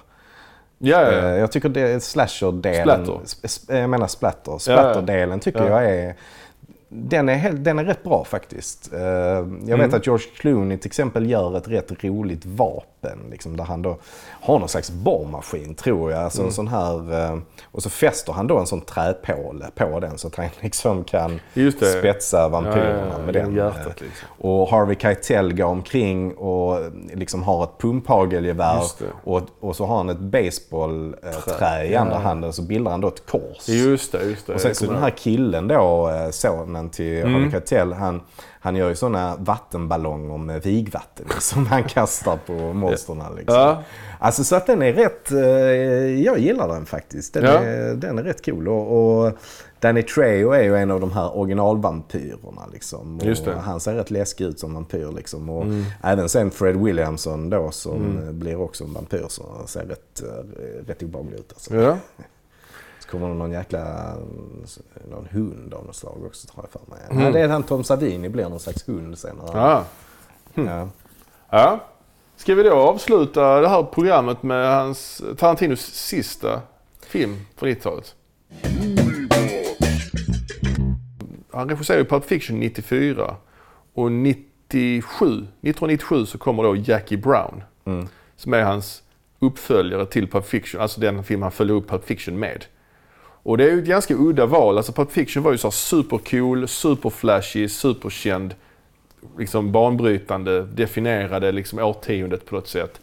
Och han följer upp den med kanske sin, vad ska man säga, hans minst flashiga film. Hans mest flashiga, mest uh, låg, uh, vad heter det? Lågmäld, Lågmäld. mo- mogen film. Ja, det är en mogen film. Ja. Som handlar om äldre människor i, i det här sammanhanget. Ja, precis. Um, Och det är ju intressant också att det är baserat på en bok liksom. Exakt, Av El- Elmore, Elmore Leonard. exakt, Elmore Leonard. Rum Punch hette väl boken Mm. från början. Precis. Och jag vet att Tarantino hade tre böcker av Elmer Leonard att välja mellan. Och eh, valde då denna. Den, Mm. Okej. den andra var ju den som filmatiserades senare av Steven Soderbergh.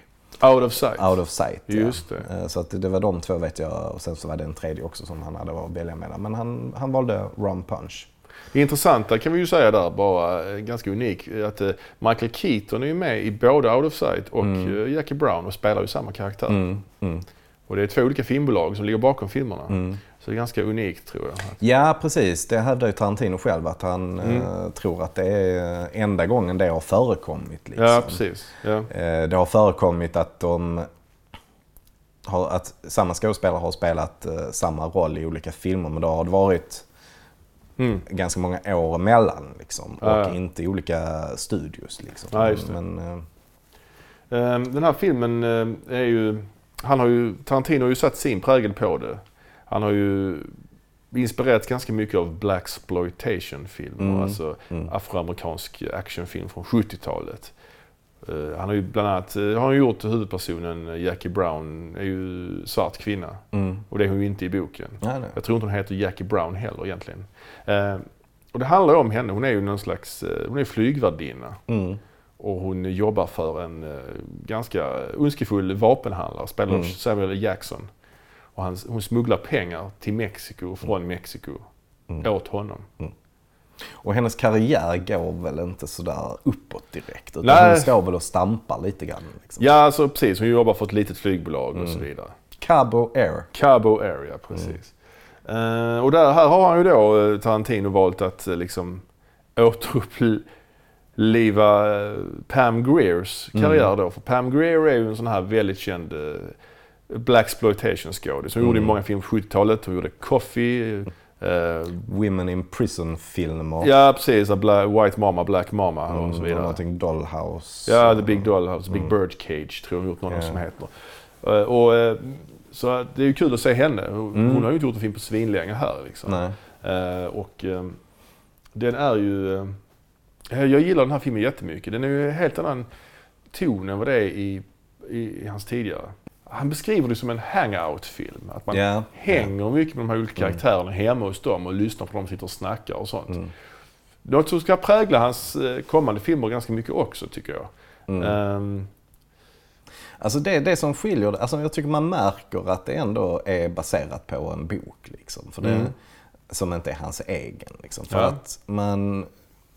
Det finns ju, jag tycker inte det finns samma humor i dialogen nej, i den här filmen som det gör i hans övriga saker. Liksom. nej, det skulle vara möjligen Samuel Jackson undantaget kanske. Ja. Alltså han har ju en, en del haranger så att säga. Ja. Det finns ju de populärkulturella referenserna. De lyssnar ju mycket på Delphonics till exempel. Just det, just det. Eh, finns lite så här olika eh, sekvenser kring, alltså de nämner ju det jättemånga gånger. Ja. Delphonics just liksom. Han, han, han lyssnar på det, karaktären då, Robert Forsters karaktär lyssnar på det hemma hos henne. Ja. Sen går, de och, går han och köper den här kassetten och sen åker han bil med Samuel Jackson och då pratar de om det. Mm. Ja, också. precis. Alltså, så, att det, Liten fin brygga där. mm, mm, Eh, sen är ju också, det är intressant också att Robert De Niro är med i den här filmen. Mm. Som är en jävligt stor skådespelare. Jag kommer ihåg när den här filmen var på väg att göras att det stod mycket att Tarantino gör ju nu en film med De Niro. Mm, Och tänkte man undra vad, vad, ska det här bli? Liksom. Det intressanta här är att Robert De Niro spelar ju, vad ska man säga det? Han, är ju nästan som en statist. Ja. Eller han, han, är ju, han, är en, han har ju en biroll men han, Tarantino, eller De Niro är ju känd för att göra ganska extroverta karaktärer och Ja. ganska liksom intensiva karaktärer. Ja. Här spelar han ju en karaktär som knappt säger någonting, som knappt visar känslor. Han, han, istället för att spela över så spelar han ju under. Ja, ja, kan man säga. ja, Och det är ju ett väldigt intressant, intressant val Ja. att använda Robert De Niro på det Ja, sättet. precis. Det är intressant med De Niro att han spelar så extrovert karaktär. Liksom, han själv verkar personligen vara ganska introvert ju. Ja, ja, han är väldigt liksom, lågmäld Mm. privat ju. Och här, den här karaktären kanske speglar hans eh, riktiga Mm. jag på ett annat Mm. sätt. Liksom. Ja, precis. Ja, men det, är en, det är en intressant karaktär. Han är väldigt så bortkommen på något Mm, sätt. Och det är det, Mm, det, är det de säger då, eller som Tarantino menar, liksom, att han har, han har suttit inne så jäkla länge. Mm. Fyra år var ju den vändan han kommer för, men han har suttit inne tidigare säkert också. Mm. Så han, han har liksom inte riktigt hängt med i eh, liksom, utvecklingen och så. Han vet inte riktigt hur han ska bete sig utanför fängelset. Nej, exakt, exakt. Så att, eh, ja, och sen har vi ju lite grann eh, det icke-linjära förekommer. Han jobbar också med split screen, Ja, det gör han ja. någon sekvens. Mm. Ehm, men annars är den hyfsat eh, liksom, Rakt berättat. ja det är den får man Mm. säga. Ehm, och vemo, ganska vemodigt slut. Mm. Ehm, en fin film liksom. Tarantino har själv sagt det också att den här filmen, han ville göra den här filmen för att visa att han kunde göra en sån här film när han Mm. var så pass ung. Ja. Alltså för, Man behöver inte vänta tills han är 48 för Exakt. att göra en sån här mogen... 48 just. Just det. Men han var väl, eh, han var, vad var han, 30, eh, 34 kanske, när han gjorde den här filmen. Ja. Så att, eh, det var ett vågat val. Den blev ju inte alls lika stor som Pulp Fiction. Nej. Eh, Folk förväntar sig ju en ny Pulp Fiction kan jag Mm. tänka mig och det var det ju inte utan det var mycket mer low key. Mm. Men jag tycker den är jättebra. Jag tycker absolut den Mm. håller hög Mm. klass. Men det intressanta är att det är fortfarande en ganska låg budget. eh, Ja, det märker man filmen. ju. Alltså om man, om man, eh, det, är ju det, det är det som är intressant ändå, liksom, att han har Mm. haft väldigt låg budget under alla filmerna på 90-talet. Ändå blev han en så pass stor stjärna. Liksom. Ja, ja. En, en, alltså betraktad som en konstnär liksom, så har han ändå Mm. jobbat med relativt låg budget. Liksom. ja. Eh, den blev ju ändå en succé på bio men Mm. eh, inte alls att jämföra med Pulp Fiction. liksom. Nej, nej, nej. Eh, Och den fick ju ett par eh, alltså, nomineringar. Robert Forster blev nominerad bästa manliga Mm. biroll, Oscars-nominerad. Så det var ju häftigt. Mm. För han var ju också så här typ helt bortglömd. mm, Aldrig varit mm. så jävla stor heller ens. Jag tycker också att han gör en jättebra rollprestation. Ja, han spelar en sån här Bale Bondsman som Mm. då liksom blir förtjust i Jackie Brown. Ja, precis. Och, ja. Och, ja, men det är verkligen en intressant eh, casting. Han, eh, Mm. han har ju inte gjort så mycket storfilmer direkt. Men eh, man får väl säga lite grann av en B-filmsskådis. Ja, han är med i en William Lustig-film vet jag, den här Vigilante. Just kom det, just det. 70-talet. Ja, eh, Bland annat. ja, och så Anaconda, nej, inte Anaconda, vad heter den? Jag vet inte. Men senare Nej. tid har han ju varit med i, han var ju nu senast med i faktiskt lite grann i den här nya Twin Peaks. Säsong tre av Twin Peaks som kom här förleden. Ja, just det. Spelar ju sheriffen där ju. Men Anaconda, jag menar inte den eh, lite nyare filmen utan jag menar en sån 80-talsfilm. Men det är nog inte Anaconda, men det är en sån krokodil som är Aha. nere i kloakerna. Aha, okej. ja, ja. Jag minns inte vad den heter. Croc kanske? Jag Ja. inte. Den är sevärd. Men om vi bara summerar nu. Tarantino, han gör ett stort, han slår igenom ett dunder och brak på 90-talet. Mm. Writer director från första filmen han gör Mm. liksom. Mm. Vinner Guldpalm, vinner Oscar. Mm. Följer upp Guldpalmen och Oscarn med den liksom mest lågmälda filmen. Jobbar Ja, ständigt ja. med låg budget också. Ja. Och jag menar, hur ska man följa upp någonting som Pulp Fiction är? Alltså, Mm. Eller vad, vad Pulp Fiction blev. Liksom. Det måste ju vara, man måste ju ha en oerhörd press. Alltså redan, Mm. liksom den första filmen man gör blir väldigt hyllad. Sen nästa film blir Mm. en sån monstersuccé över hela världen. Och då är han ju fortfarande ganska ung. Liksom. Ja, ja. Hur tusan ska man följa Mm. upp den på ett bra sätt? Det måste vara ganska mycket press. Ja, ja, ja. ja just att, att välja att göra något helt annat är ju imponerande. Mm. Och eh, ja, i nästa avsnitt Mm. så ska vi ju se hur han eh, fortsätter sin karriär Mm. på andra sidan millennieskiftet. Just det. Just det. Tills nästa gång så säger vi hej då! Hej då! På återseende!